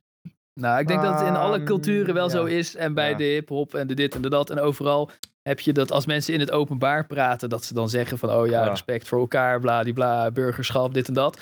En dat dan binnenskamers onder gelijken. Dat er iets negatiever over mensen die buiten de groep vallen gesproken wordt. Dat is heel menselijk. Maar Zeg maar, vinden Joden andere mensen minderwaardig? Oh, absoluut, absoluut. Ja, vast wel, maar ja. maar het, het, is toch anders. Bij, eh, bij eh, Joden en Christenen of bij andere eh, religies heb ik, is het wel van, ja, je bent minderwaardig, maar daar blijft het eh, dan ook bij. En bij Ja? de, Dus het, het is hoe- hoe Israël met de Palestijnen omgaat, dat heeft niks te maken met een gevoel van superioriteit van Jodendom ten opzichte van... ja, die wel. Ja, ja, ja. Die zijn, Ja, ja, ja, eh, ja, ja, ja. Die Oh, zijn dat ook wel. heel ernstig. Oh, dat wel. ja, ja, maar, nou ja. eh, maar je probeert dat nu te vergelijken met hoe Nederlanders met moslims omgaan. Maar dat is toch, dat is toch wat anders volgens mij. Want, eh, hoe heet het? Nee, dat, is, dat is niet wat ik... Dat, nee, ik probeer het niet te vergelijken. Het is meer dat ik... ja, eh, maar- dat, dat, er, dat, dat superioriteitsgevoel, dat zit in alle bevolkingsgroepen. geen- ja, maar het is nee, niet alleen ja, dat. dat zei ik ook net. Maar het is geen uniek eh, islamitisch fenomeen, dat klopt. Maar ze zijn er wel buitengewoon goed in. Zij omschrijft in dat boek eh, eh, vaker hoe, hoe mensen, de, de- hoe de ouders, dan komt er, komt er een leraar van school en dan zegt die leraar van ja, je moet wel je kind Nederlandse programma's laten kijken op tv, want ze kan niet zo goed Nederlands en ik zie dat jullie ook geen Nederlands kunnen. En zij moet dat dan tolken, grappig genoeg. En dan zeggen die ouders, ja, zeg maar tegen hem dat je altijd Nederlandse tv kijkt en eh, dat we hier naar het journaal kijken en zo. En ze zegt dat dan ook, maar het is gewoon niet waar.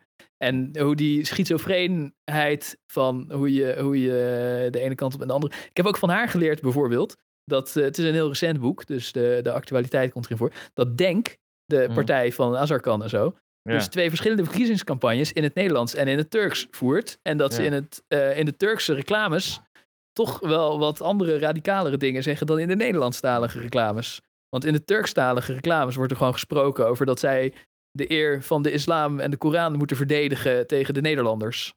En dat hoor je in de Nederlandstalige reclames van Denk niet. Nee. Maar is dat echt waar? Want dan zou er toch wel iemand, een of andere journalist mee komen. Volgens mij is dat, eh, is dat volgens mij Eh, op geen stijl zie je dat ook af en toe. Maar omdat Maar- geen stijl het al heeft gezegd, willen de linkse eh, bullshit media willen dat En- niet overnemen. Is, is duidelijk hoeveel Zoals de mensen in Telegraaf. die, hoeveel mensen eh, in die Koranscholen zitten? Hoe groot die groep is? Want het, het klinkt best wel hard. Eh. Het is ook best wel hardcore om in een ander land te wonen en dan naar een school te gaan waar ze dat land afzeiken. Dat is ook best wel Ja, ik ben wel redelijk radicaal. best. eh, dus ik kan me niet voor. Ja, misschien doen ze dat ook op de British School of zo. Ja, nee, en als je, naar, als je naar Nigeria gaat omdat je vader voor Shell woont, maar en dan zit je op de speciale Shell school en dan zeggen ze van, ja, we moeten respect hebben voor Nigerianen. Het zijn ook mensen en het wordt een beetje knipoog erbij dat je weet van, haha, negers, we hebben scheid aan ze, we zijn Shell. maar ze zeggen dan in ieder geval ook nog op die school, denk ik wel van, eh, we moeten eh, eh, lief voor ze zijn. Ja, het is, het, is ook meer, het is ook niet alleen dat gevoel van superiorite- superioriteit. Het is ook meer van bij. Ja, en ik heb met meerdere relig- religieën ben ik in eh, contact geweest. Dus bij, bij christenen, bij andere geloven merk je toch, is het wat meer van. Ook al vinden ze je minder, het is wat meer van in elkaars waarde laten. Terwijl bij islamieten is het altijd zo van. ehm, nee, wat wij doen is goed en wat jij Ah, doet is fout. I don't know. is- I don't- is- d- ja. Deze discussie hebben we eerder gehad. hebt- en ja, nou goed, je hebt natuurlijk wel fundies, christenen fundies, Ja, maar misschien heb je gewoon meer genoeg. moslimfundies. Misschien zijn die er gewoon meer. Volgens mij Ja, is, in de islam zo'n fundamentalistische houding iets meer mainstream dan Ja. bij veel andere Nou, religies. Ja, het is veel strenger. Sowieso veel, denk ik dat dat eh, meer in de media komt. Nee, maar het is ook gewoon echt strenger. Want ehm, ze, ehm, ze, ze kunnen, ze passen zich daardoor ook gewoon lastiger aan. En dan gaan ze dus. Ja, ze tolereren alle soort gedrag niet. Terwijl waar een andere relig- religie van zou hebben. Van ja, weet je, dit eh, vinden we niet oké, maar we doen nog wel even gezellig mee. Is het bij hun gewoon niet eh, oké. Kijk, ik heb een voorbeeld van.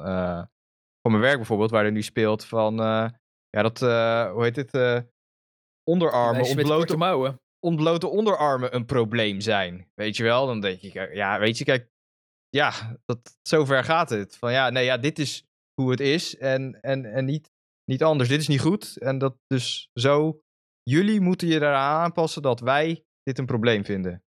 En dat merk je bij andere religieën toch wel minder. Ze zijn dan misschien in hun interne kring wel echt fundy, maar ze passen zich in de openbare leven, samenleving Nou ja. wel wat meer aan. En je merkt... Je Christian, merkt- wat het merkt- verschil is, is dat die, de maatschappij waar je het over hebt, is door en door christelijk.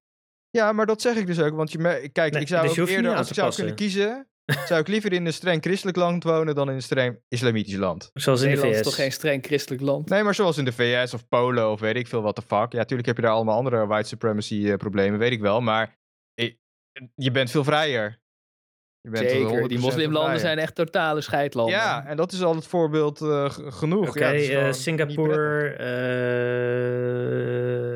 nog een ontwikkeld Singapore is toch zo'n moslimland. eh 1984-dictatuur waar, waar je geen kauwgom op de grond mag gooien? Ja. Is dat niet Singapore? Ja? Ja, klinkt Ja, ik VS. ja, nou, ja, ik woon daar liever dan in eh, Ja. eh, islamitisch land. Ja, absoluut. Singapore Volgens is... mij hebben we deze discussie over islamitische Islamitisch, landen al een hè? keer eerder gevoerd. Ja, Je klopt. hebt wel met, met islamitische landen, daar word je wel, als je in je eentje komt of in een klein groepje, dan word je daar met open armen eh, word je opgenomen. Maar als je met een groepje van tien komt, zoiets, dan word je Ja. gewoon direct onthoofd. Dan is het gewoon, eh, is het gewoon klaar. Een soort van... eh, Ja, wat? Oh, goede ja, tip. Ik, over, ik overdrijf een beetje. Maar als je gewoon, als je één op één eh, naar een moslimfamilie gaat, dan word je met open arm word je echt, eh, Ja. eh, is, is, echt, is echt de gastvrijheid is fenomenaal. Maar zodra het een beetje grote groepen zijn, of dat je een soort van gevaar zou kunnen vormen, dan is het meteen gesloten volgens mij. Ja, tuurlijk. Want dan ga jij de cultuur eh, beïnvloeden. eh, en dat bedoel ik. Snap je? Dan begint de intolerantie eh, Ja. op te treden. Want Ja. dan krijgt de tegencultuur overmacht. En dan, dat kunnen ze niet tolereren. Dat, dat gedrag keuren ze gewoon niet goed.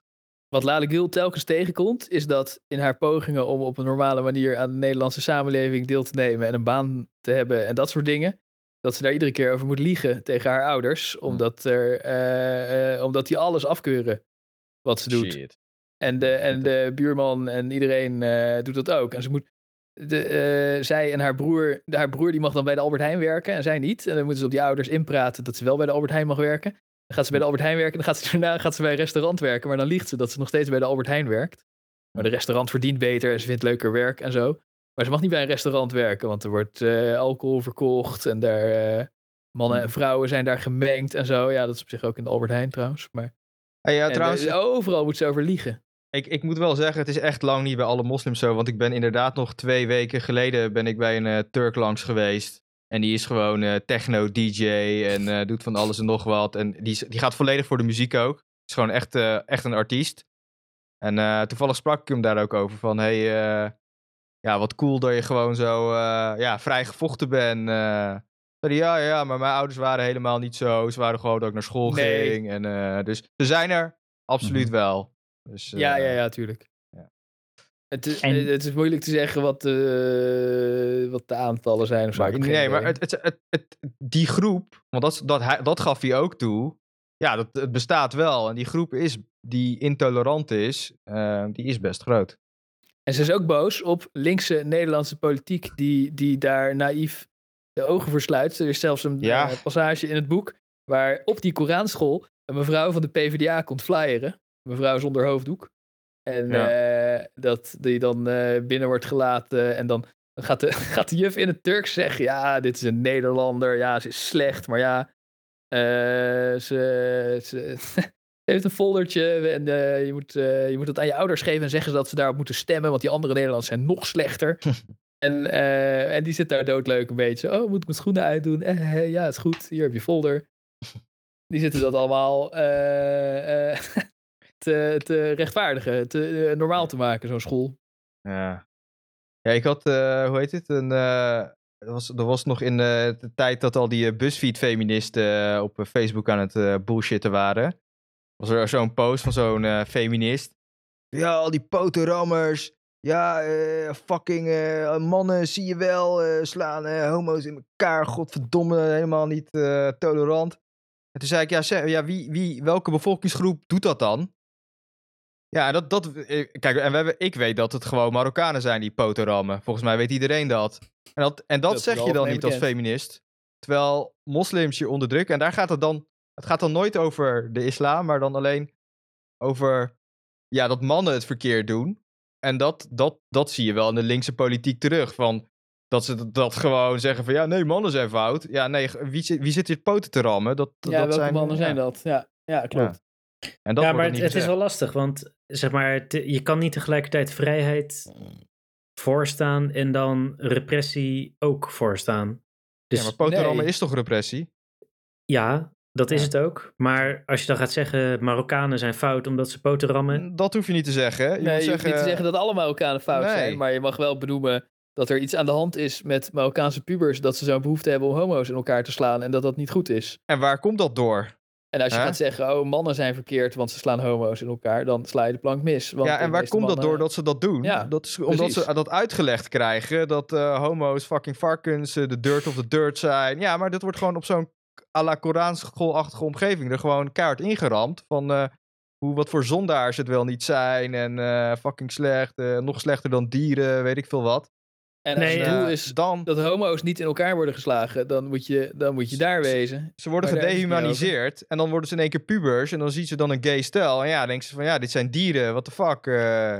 Maar wat, Ja. ik, wat ik probeer te zeggen is dat eh, je kan het best benoemen, maar waar je Ja. rekening mee moet houden is dat je ook weer... Ja, weet ik wel. Maar Nee, nou, ja, mag ik het... ik ja, heb ja, nog ik niet weet eens wel wat je wil afgemaakt. gaan zeggen. Ja, want eh, je, je gaat ook eh, Marokkaanse jongens in een hoek die, we, die niet fout zijn. Nee, en ja, zo moet- krijg je eigenlijk een soort visieuze cirkel waar je niet aan moet meedoen. Ja, Nou, en als je zegt mannen zijn fout, ben je al begonnen. Nee, als je moet gewoon. Nou ja, kijk, als het over poterammen gaat. Ik bedoel, als het over elk probleem gaat. En eh, het speelt duidelijk in een bepaalde cultuur. Moet je dat gewoon kunnen zeggen en kunnen benoemen. En ehm, ja, tuurlijk Ja. gaan er mensen zijn die, eh, die, die daar weer eh, een stapje verder in gaan. Maar als je het niet benoemt, dan krijg je dus dat hele fucking eh, paarse puinhoop eh, verhaal. Waar iedereen dan vervolgens wel op zo'n eh, retard gaat stemmen. Omdat de rest het niet durft te zeggen. Terwijl als je het gewoon zegt van, hé, hey, dit is het probleem. Dan zegt iedereen van, ja, dat is het probleem. En als je Mhm. daar gewoon genuanceerd gewoon je mening over vormt of geeft, dat, Ja, maar waarom moet dat niet kunnen? Ja, zeg maar, wat is het slechter. probleem? Ik, ik vind het ook een beetje, wat is het probleem? Je gaat dan doen alsof die mensen het probleem zijn, terwijl wat er eigenlijk is gebeurd is dat kap- kapitalisten waren niet bereid om genoeg te betalen voor Nederlandse arbeid. Gast. Eh, ja, hey, Ja, dat is ze wat er zijn er nu gebeurd. toch? Eh, Ze zijn er Ja, nu toch? En je en wil het probleem dus nu heb- oplossen. Heb je, Wat uit de je- aller, heb je echt uit de meest achterlijke gebieden van eh, Ja? heb je mensen opgehaald en die hebben dan denkbeelden die niet westers ontwikkeld zijn. Oh god, de verbazing is mij echt, eh, ik word Ja, ervan Nee, overvallen. maar als ze nu al, ja, maar nu zijn ze hier. En als Ja. ze al 30, 30 jaar zijn, moet je toch hun achterlijke denkbeelden bestrijden. Moet je niet zeggen, oh ja, ooit woonde je in een scheiddorp op het... eh, We sturen je wel terug. Nee, maar hoe snel denk je dat het gaat? Kijk naar de achterlijkheid van onze grootouders. Ja, maar ja, als die jongens die dat doen, die zijn gewoon hier geboren. Ja, maar Rick, het probleem is nu. Ja, Snap je? Dat hey. speelt nu. En dan moet ja, je... dat speelt nu, maar mijn Ja. grootouders geloofden nog dat eh, de duivel in de tv leefde. Ja, nou, en hun kinderen zijn eh, gedeeltelijk ook gewoon zwaar, zwaar gereformeerd. En Ja. dat gaat niet zo snel. Nee, dat gaat ik niet wel. zo snel. Dan moeten we toch... Ja, nee, nou vooral Dat niet als je niemand. ontkent waar die problemen vandaan komen. Dan moeten die achterlijke eh, kerken van ze bestreden niemand- worden. Niemand ontkent jouw verhaal ook. Van dat, eh, dat ze eh, gastarbeiders hier zijn gehaald en dat de verandering niet zo snel gaat, culturele verandering. Maar als er problemen zijn, maatschappelijke problemen, mag je dat best wel kunnen bespreken en analyseren waar het nou vandaan komt. Maar dan kan je best wel beleid op vormen. En daarmee bedoel ik niet eh, allemaal terugsturen of naar de gaskamer. Maar je kan best wel kijken van hey, hoe kan je met die buurt of eh, met de Nee, moskees praten, onderzoeken van wat gebeurt er nou? Hè, moeten die Koranscholen, dan mag je best van zeggen van ja, wat, wat, wat de fuck, als daar wordt uitgelegd dat eh eh, poten worden geramd, et cetera, ja, dan moet, dan, moet, dan moet gewoon stoppen, snap je? En dat ze Ja, dat, en je kan best begrip tonen voor de individuen die, die, eh, die geloven in de propaganda die ze voorgeschoteld hebben gekregen. Ja. Maar eh, dan moet je wel de cultuur en het systeem wat die propaganda voortbrengt, gewoon benoemen en bestrijden. Zeker. Maar maar dat- aanvallen. Nee, je maar dat concreet doet is moeilijk. Het is gewoon, ja, zeg maar, in, in theorie moet je het eh, benoemen en bestrijden, maar wat dan ook. concreet, hoe doe je dat concreet? Nou ja, ik, ik ben het ermee eens van Koranscholen en alle religieuze scholen dicht. Gewoon alleen nog maar openbaar onderwijs. Maar eh, als je het daarover hebt van eh, als er potenrammen wordt gepropageerd op een of andere school, ja, ja. dat benoemen en bestrijden heb ik geen probleem mee. ja, maar maar- bedoel ik ook. Eh, Maar de- ja, je moet- je, je, Christian, je begon met uit welke bevolkingsgroep kwamen de potenrammers? Ja, maar en dan denk kom- ik, Ja, maar gast, je Dat moet toch eerst fractie. vaststellen. Je moet toch eerst vaststellen dat het uit, de, uit een bepaalde cultuur komt, wellicht de islamitische cultuur. En dan ga je kijken van, hé, hey, hoe komt het dat het in de islamitische cultuur meer voorkomt? En dan pas ga je onderzoeken van, hé, hey, waar horen ze dat? Maar als je gewoon in de, willekeurig in de Nederlandse samenleving gaat kijken, dan kom je niet zo snel op een eh Koranschool uit. Nee, je? moet wel focussen. hè. En de focus begint bij welke, als het uit een groep komt, bij welke groep komt het en wat zijn de oorzaken? ah, nou toch, ik, meen ik echt, zou ik liever willen dat je zegt van, het komt vanuit eh religieus onderwijs man. of zo? Boze witte Nee, man. nee, ja, weet ik veel. Oh. Eh, Het, het komt vanuit eh islamitisch onderwijs. Eh, daar wordt gezegd, potenram moet je doen. Ja, maar als je, dat nog niet doet. weet, als je dat nog niet weet, kijk, dat kan, ik noem nu Nee, maar één van de ja. oorzaken op, hè? Eén van de de- mogelijke oorzaken. Het kunnen er nog meer zijn, hè? Ik bedoel, Maar daarom... wacht even, Rick, jij wil, horen, het, eh, jij wil niet horen het zijn Marokkanen, maar je wil horen het zijn mensen die islamitisch onderwijs volgen. Toch? Dat zou je beter vinden. En ik begrijp ook wel Eh, wat je bedoelt hoor. Eh, nou ja, ja, zoiets, ja. Zeg Ja, maar, het, nee, ik, begrijp, het- ik begrijp ook ja. wel wat je bedoelt. Ik heb dat gevoel Ja. ook. Dat zou, dat zou een nettere formulering zijn. Ja, Ja, maar dat- dat Christian dat- waarschijnlijk ook een goed idee. Maar voor de mensen die islamitisch religieus onderwijs volgen, maakt het ze niet uit of je ze zo noemt of Marokkanen. Het- Ze vinden het allemaal racisme. En ze gaan meteen op hun achterste Ja. benen staan als je er wat van zegt. Ja, nee, maar, dat, dat, dat, dat sluit ik niet uit. ja, Dat maar zou Rick, kunnen. Maar de Rick- mensen die daar niet, zeg maar, de onschuldigen, pak je dan tenminste niet. Ja, maar Rick, luister Ja, even. nou, Luister even. Want ehm, dat is maar één mogelijke oorzaak wat ik nu noem. Zodra je constateert dat het in één bevolkingsgroep meer zit, wil je die is Koranschool, maar je wil ook nog weten welke andere factoren zijn er die ervoor kunnen zorgen. En als je alleen de Koranschool, dan focus je maar weer op één klein ding, terwijl het in die cultuur zit. Snap je? Dus om alleen al breder te kijken, moet je dus benoemen dat het in die cultuur zit. Snap je? Als je Mm, Ja, Ja. Als, je beleid, Mhm. als je beleid wil maken wat er verandering in brengt, want zoals je zelf zegt, het probleem is Ja. nu, Ja. dan moet je kleine dingetjes, dan moet je niet gaan zeggen die cultuur is niet goed of zo, want Nou, dat, dat is inderdaad... als het op tv erover gaat, ga- gaat mag je toch best die, eh, eh, mag je dat toch best eh, zeggen van, hey, speel dat Ja, in die cultuur, vragen of Ja, dat ja, speelt ja, in dat vind ik wel hoor. Dat vind ik, Ja. dat vind ik heel goed om dat te Ja. benoemen. Maar Ja. als, ja, als je Ja, dat dan doet en dan weer achterover gaat leunen. Haha, ik heb de islamitische cultuur kut genoemd. Dan verandert er ook niks. Je moet, je moet juist die Nee. kleine details, zoals de Koranscholen, want daar kan je beleid op voeren. Ja, Ze moeten gewoon, ze moeten dat keihard aanpakken. Wat mij betreft moeten ze in iedere moskee en iedere Koranschool moeten ze een mannetje zetten namens de overheid die een bandje mee Ja. laat lopen en het allemaal gaat zitten Ja. vertalen en naar ambtenaren stuurt die er Ja. ambtenarenvergaderingen over gaan zitten houden. En als ze zich dan bekeken voelen, uh, lik me reet. Maar Ja, maar dan ook zoals- in de kerk toch, Rolf? Ja, zeker. Maar ik dat, denk eh, dat dat ja, wel privacy... Maar het is ja, toch net zo met die mokromafia. Dan ga je ja. toch ook kijken van, hé, hey, dit is mokromafia. Hoe, hoezo, wat, wat, wat, dat is inderdaad Ja, privacy reet. Als jij een openbare bijeenkomst houdt, mag er toch iemand komen en gaan zitten Oh, luisteren? Ja, ja, dat mag. Ja. Als je in de moskee zegt iedereen mag komen, ja, Ja, nee, nee, je hoeft niet bij die mensen thuis te gaan zitten. Nee. Maar, eh weet het, eh, als daar in de moskee wordt gepredikt, dit en dat, en af en toe dan eh het klinkt een heeft beetje, het Nieuwsuur klinkt een weer... beetje Gestapo. eh, Ja, die moskee, die moeten ook worden gestapo'd, want het gaat verkeerd daar. Zo, zo. Dat vind ik ook. En af en toe lekt er bij Nieuwsuur Ja. weer eens een bandje over wat voor vreselijke dingen er nu weer Ja. in de moskee zijn gezegd. En ik denk, nou ja, we weten precies waar die moskeeën Ja. staan. Ga gewoon zitten luisteren. En eh, van, ik vind het prima als je ook in de kerk gaat zitten luisteren, maar dat zal wat minder boeiend eh, zijn. Maar eh, eh, dat moet gewoon eh, beter in de gaten gehouden worden. Ja, maar net zoals bij de mokromafia, hè, dat vind ik dan ook eh, een voorbeeld. Dan, dan gaat het ook over de mokromafia, Marokkanen. Het is zeg maar een probleem. Ja, natuurlijk heb je ook Nederlandse misdadigers. Maar het is duidelijk een etnische cultuur waar dat vaker in voorkomt. Ja, en dan mag je best die om is er nog... breder naar te kunnen kijken van, holistisch naar de cultuur te kunnen kijken van, welke factoren zijn er allemaal waardoor dat er meer in voorkomt. Ja, en Dus, die- en dat die- is bij poterammen net zo, snap je? Hey, waar, waar, waar gebeurt dat? En welke factoren zijn er? En dan mag je op tv, als je nog niet alle factoren kent en je hebt het erover, mag je best, als het zo is dat het meer onder islamitische mensen voorkomt, of, dan mag je dat best zo zeggen. Maar we weten nog niet alle factoren, maar het speelt duidelijk in die groep. Ja, wat, wat is daar nou eh, Ja. mis mee? Ja. Want die term ik- mokromafia, momenteel mogen we hem nog zeggen, maar ik kan me ook voorstellen dat het niet meer woke is om mokromafia te zeggen. Na een tijdje. Dat Licht eh, getinte... Gaat iedereen zeggen, ja, die ene Surinamer zat er ook bij. ja. Ja. Dus Licht getinte maffia. ja. Maar weet je wat ook denk ik misgaat in Nederlandse eh, politiek, hoe ze hiermee omgaan?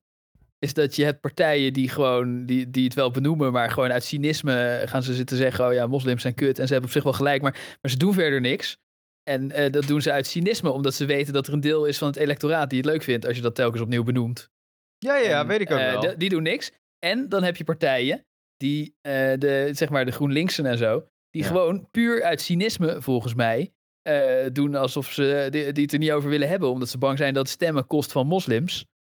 En Ja, ook nog. Die, Ja. die gewoon het probleem lopen te ontkennen en zeggen, oh, het valt allemaal wel mee, haha, moskee, ja. het, Ja, vooral een soort, is- eh, het is net een soort gezellig, gezelligheidsvereniging. Ja, net vooral PvdA is dat... eh is daar nou, GroenLinks heeft nu een hoofddoekje in de Tweede ja. Kamer gezet. En Ja, hoe heet het? Op zich niet zo erg, maar... Het is op zich niet erg dat, er een, dat, dat ze een hoofddoekje op haar hoofd heeft. Dat moet zij weten. Het is haar hoofd. Maar eh, wat, wat gebeurde er? Journalisten die kwamen er vrij snel achter dat dit hoofddoekje dan weer op zich wel zeg maar, had gewerkt voor de moslimbroederschap. En wat, wat Oh, een tamelijk ernstige club is die islamitisch eh, kalifaat wil vestigen. En eh, daar werkte. En als je dan een vraag over stelde aan Jesse Klaver, dan bleek dat hij het helemaal niet door had. Wat, wat ik curieus vind. eh, als je zeg maar eh, de kandidaat Kamerleden zoekt. Dat je daar de- voor je progressieve partij. Dat je niet door hebt dat ze bij de moslimbroederschap hebben gezeten. En als je er dan over doorvraagt, gaat hij zeggen: Oh, oh, oh, het is allemaal racisme omdat je een hekel hebt aan hoofddoekjes. Gaat die journalisten van racisme beschuldigen. precies. Gaslighting, dat ja. Vind Ja. ik echt de, de, de, de, de naarste cynisme. Daarmee heeft Jesse Klaver aangetoond dat hij haar alleen maar heeft gekozen omdat ze een hoofddoekje had. En hij dacht, daar gaan andere hoofddoekjes op stemmen. Ja, En dat hij, helemaal niet, eh, dat hij helemaal niet weet wie het is eigenlijk. En hij zei ook, ja, het is zo'n goede milieuactivist. Dus eh, we hebben er eh, woordvoerderschap, eh, wat was het ook alweer? Kut, dat had ik moeten opzoeken. Iets wat niets Ja. met milieu te maken had. Maar eh, stel dat ze voor het moslimbroederschap heeft gewerkt, is ze dan erger dan een SGP'er? Nou, Nou, maar GroenLinks Jesse wel. Klaver zet toch geen SGP'ers op zijn lijst? Nee, maar oké, wacht. Nu, heb, nu stel je interne politiek gelijk aan. aan wat? Ja, nee, ja, nee, ja. Dan heb je het over interne partijpolitiek. Van hij zou dit moeten vinden. eh, aan überhaupt moraal, zeg maar. Want De zij, SGP zij denkt die dragen uit in hun verkiezingsprogramma. En in ieder, nou, ik weet niet wat zij denkt. Nee, ja, misschien heeft ze zich wel eh, geëmancipeerd, neem ik aan. Maar de SGP draagt in zijn verkiezingsprogramma en zijn verkiezingscampagne uit dat het zulke mensen zijn. Ja, En als je dan eh, in je, eh, als je, als je wel voor zo'n soort club werkt, dan vind ik dat net zo erg als dat je voor de SGP werkt. Of ik weet niet, ja, de moslimbroederschap. SGP, Dus jij denkt ja, dat vind ik ze- allemaal een beetje moeilijk te vergelijken. Dat Zeg vind ik ongeveer even erg. jij vindt het moeilijk dan- dat zij geen integer politicus is, eigenlijk. Nee, ik vind, ik vind het Ze moeilijk. jokte over haar echte bedoelingen. Nee, ik vind het moeilijk dat zij het eh, blijkbaar eh, een, eh, een normaal een goed idee acht om haar SG SGP-achtige verleden te combineren met een Kamerlidmaatschap voor GroenLinks. En als je er dan vragen over stelt, ben je een racist. Ja, dat is Dat, vind ik raar. Ja, ja. Ja, dat laatste, maar dat, dat doet Klaver. Dat doet zij niet eens zelf. Nee, maar Rolf zegt toch ook iets over GroenLinks? Van, eh, ja, precies. en dus ik heb dus... Ja, ik ken haar helemaal niet. Eh, dus ik wil niet eh, per se op haar... Misschien is ze wel heel oké. Ik ken haar niet. Maar ik heb dus kritiek op de linkse Ja. politieke partijen. En Ja. in dit geval Jesse Klaver. die gewoon uit cynisme iemand met een hoofddoekje op de lijst zetten zonder uit te zoeken of ze eigenlijk wel iets met het GroenLinks ja. gedachtegoed heeft. Ja. En als je er dan een vraag over stelt, dan wordt hij boos, want je bent een racist. Nou, dat Ja. is- dat- eh, een, een verkeerde en cynische aanpak. Ja, en, ik, en, en, en hetzelfde, het ging er daarvoor ook over. Ik vind dat hele van, ja, nee, je moet het er niet over hebben, want dan trigger je alle racisten. Ja, dat vind ik echt gewoon een, een bullshit eh, verhaal. Ja, je moet het overal wel over hebben. Maar ja, wij zijn ook de poepkast, Juist- dus wij nee, vinden natuurlijk dat je het al helemaal over Nee, maar da- dan krijg je hebben. juist, gaat het borrelen en krijg je van die Pim Fortuyn-achtige shit. Terwijl als je het er gewoon Ja, over hebt, denken we... ja. Vol- vol- volgens mij heeft Klaver ook gewoon gezegd eh, dat zij zich misschien, of dat, dat, dat, dat zij zich ontwikkeld kan hebben. En dat dat dan ook goed genoeg is, als het ware. Zeg maar, iedereen maakt toch wel eens domme fouten in zijn verleden. Ja, maar dan had hij dat moeten zeggen. Ik bedoel, ooit over Ja. tien jaar eh, wil ik ergens een baan of zo en dan heb ik dit opgenomen. Nee, ik gun haar van harte dat ze net als Lale Gül een afgrijzelijke ouders heeft en dat ze zich geëmancipeerd heeft. En een goed Ja, maar- bijverhaal heeft geschreven. En ja, maar ik vind het een beetje vaag dat, eh, eh, dat, dat, ze dat, ja. Dat zij, dat zij dat niet haar vader, maar zij zelf daadwerkelijk heeft gewerkt voor de moslimbroederschap. Dat Jesse Klaver dat niet doorhad, bleek uit de Ja. eerste vragen die hem daarover werden gesteld. Ja. Dat vind ik al heel vaag en slecht. Dat hij gewoon dacht, oh leuk, ze zegt iets over het milieu. Hoppa, we zetten haar op de lijst, want ze heeft een hoofddoek. En dan zetten we die andere Turk lekker laag, want eh, we hebben er maar eentje nodig voor de stemmen. En, eh hoe heet het? Token. Ja, en als hij er dan eindelijk achter komt, dan wil hij het er niet over hebben. En dan zegt Ja. hij, oh, oh, je is allemaal racisme, dat je haar weer met de moslimbroederschap associeert. Maar ja, ze heeft daar gewoon gewerkt. Ja. Nee, maar jongens, Ja. ik, ik ben echt zo moe. Ik kan gewoon niet meer. Ja, heb je nog een, eh, heb je nog een uitsmijter, Lale uitsmijter of eh, iets, iets goeds nog erover? Ja, ze wordt nu helemaal Eh, verafgoot door eh, allemaal geitenwolle sokken, jongen. Ik zat er voor Twitter te kijken. Allemaal, allemaal van die soort eh, bio-nerds, geitenwolle sokken die... eh, oh, je bent net Jan Kramer. Je bent net Jan Kramer. En dan, maar Die ze geven er, eh, ze geven er Die, die heeft complimentje. ook een boek geschreven, eh, lang geleden. Maar een heel ander boek. Maar het is wel eh, Ja, ook leuk. ja schrijven. die Jan Kramer, Jan Kramer wordt de hele tijd genoemd. En eh, dan eh, eerst geven ze wel een complimentje en dan komt er daarna altijd... eh, maar ik zie dat je hier een klein stijlfoutje hebt gemaakt. En dan eh, verbeteren ze er ook. Dat viel mij ook op, ja. Mensen die dan, die dan over dit boek... De, Geen Stijl, die is ook eh, fan van haar natuurlijk, omdat ze kritiek heeft op islam. En eh, die, die, die hadden geloof ik een recensie van de NRC of zo, waar, waar het woord islam helemaal niet in voorkomt. En die dan ook over inderdaad stijlfoutjes gaan zitten zeuren. Het is, je ziet ook aan haar stijl dat ze niet helemaal eh native speaker is. Er zitten wel wat rare dingen in af en toe, maar het is juist leuk. Mm. Maar die Eigenlijk ging is dan- dat het die echte ging- racisme. Die ging daar dan een beetje over muggenziften. Ja, misschien. Ja, weet ik niet. Nou ja, ja, als je een boek schrijft, mogen mensen over je stijl gaan zitten Ja. muggenziften op zich. Maar eh, die... eh, Dokwissel. Keiharde dokwissel. ja, misschien. Ja.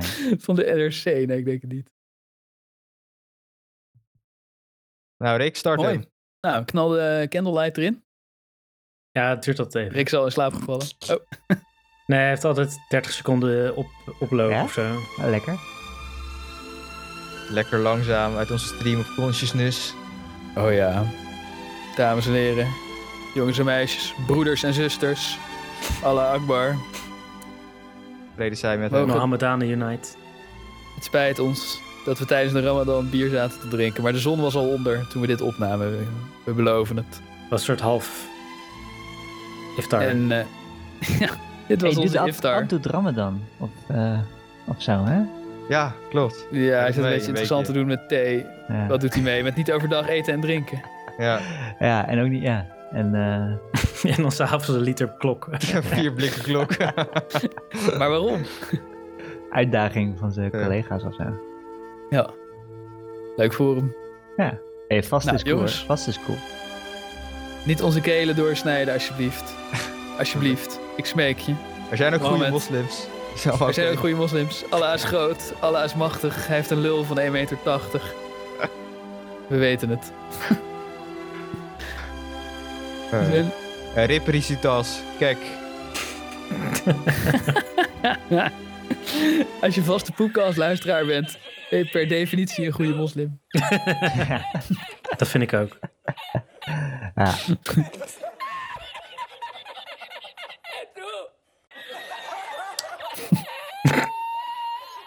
Ah, het is wel jammer dat hij dood is. Ja. Ook al heb ik niks Maakt anders gezien uit. van hem dan dit. Ja.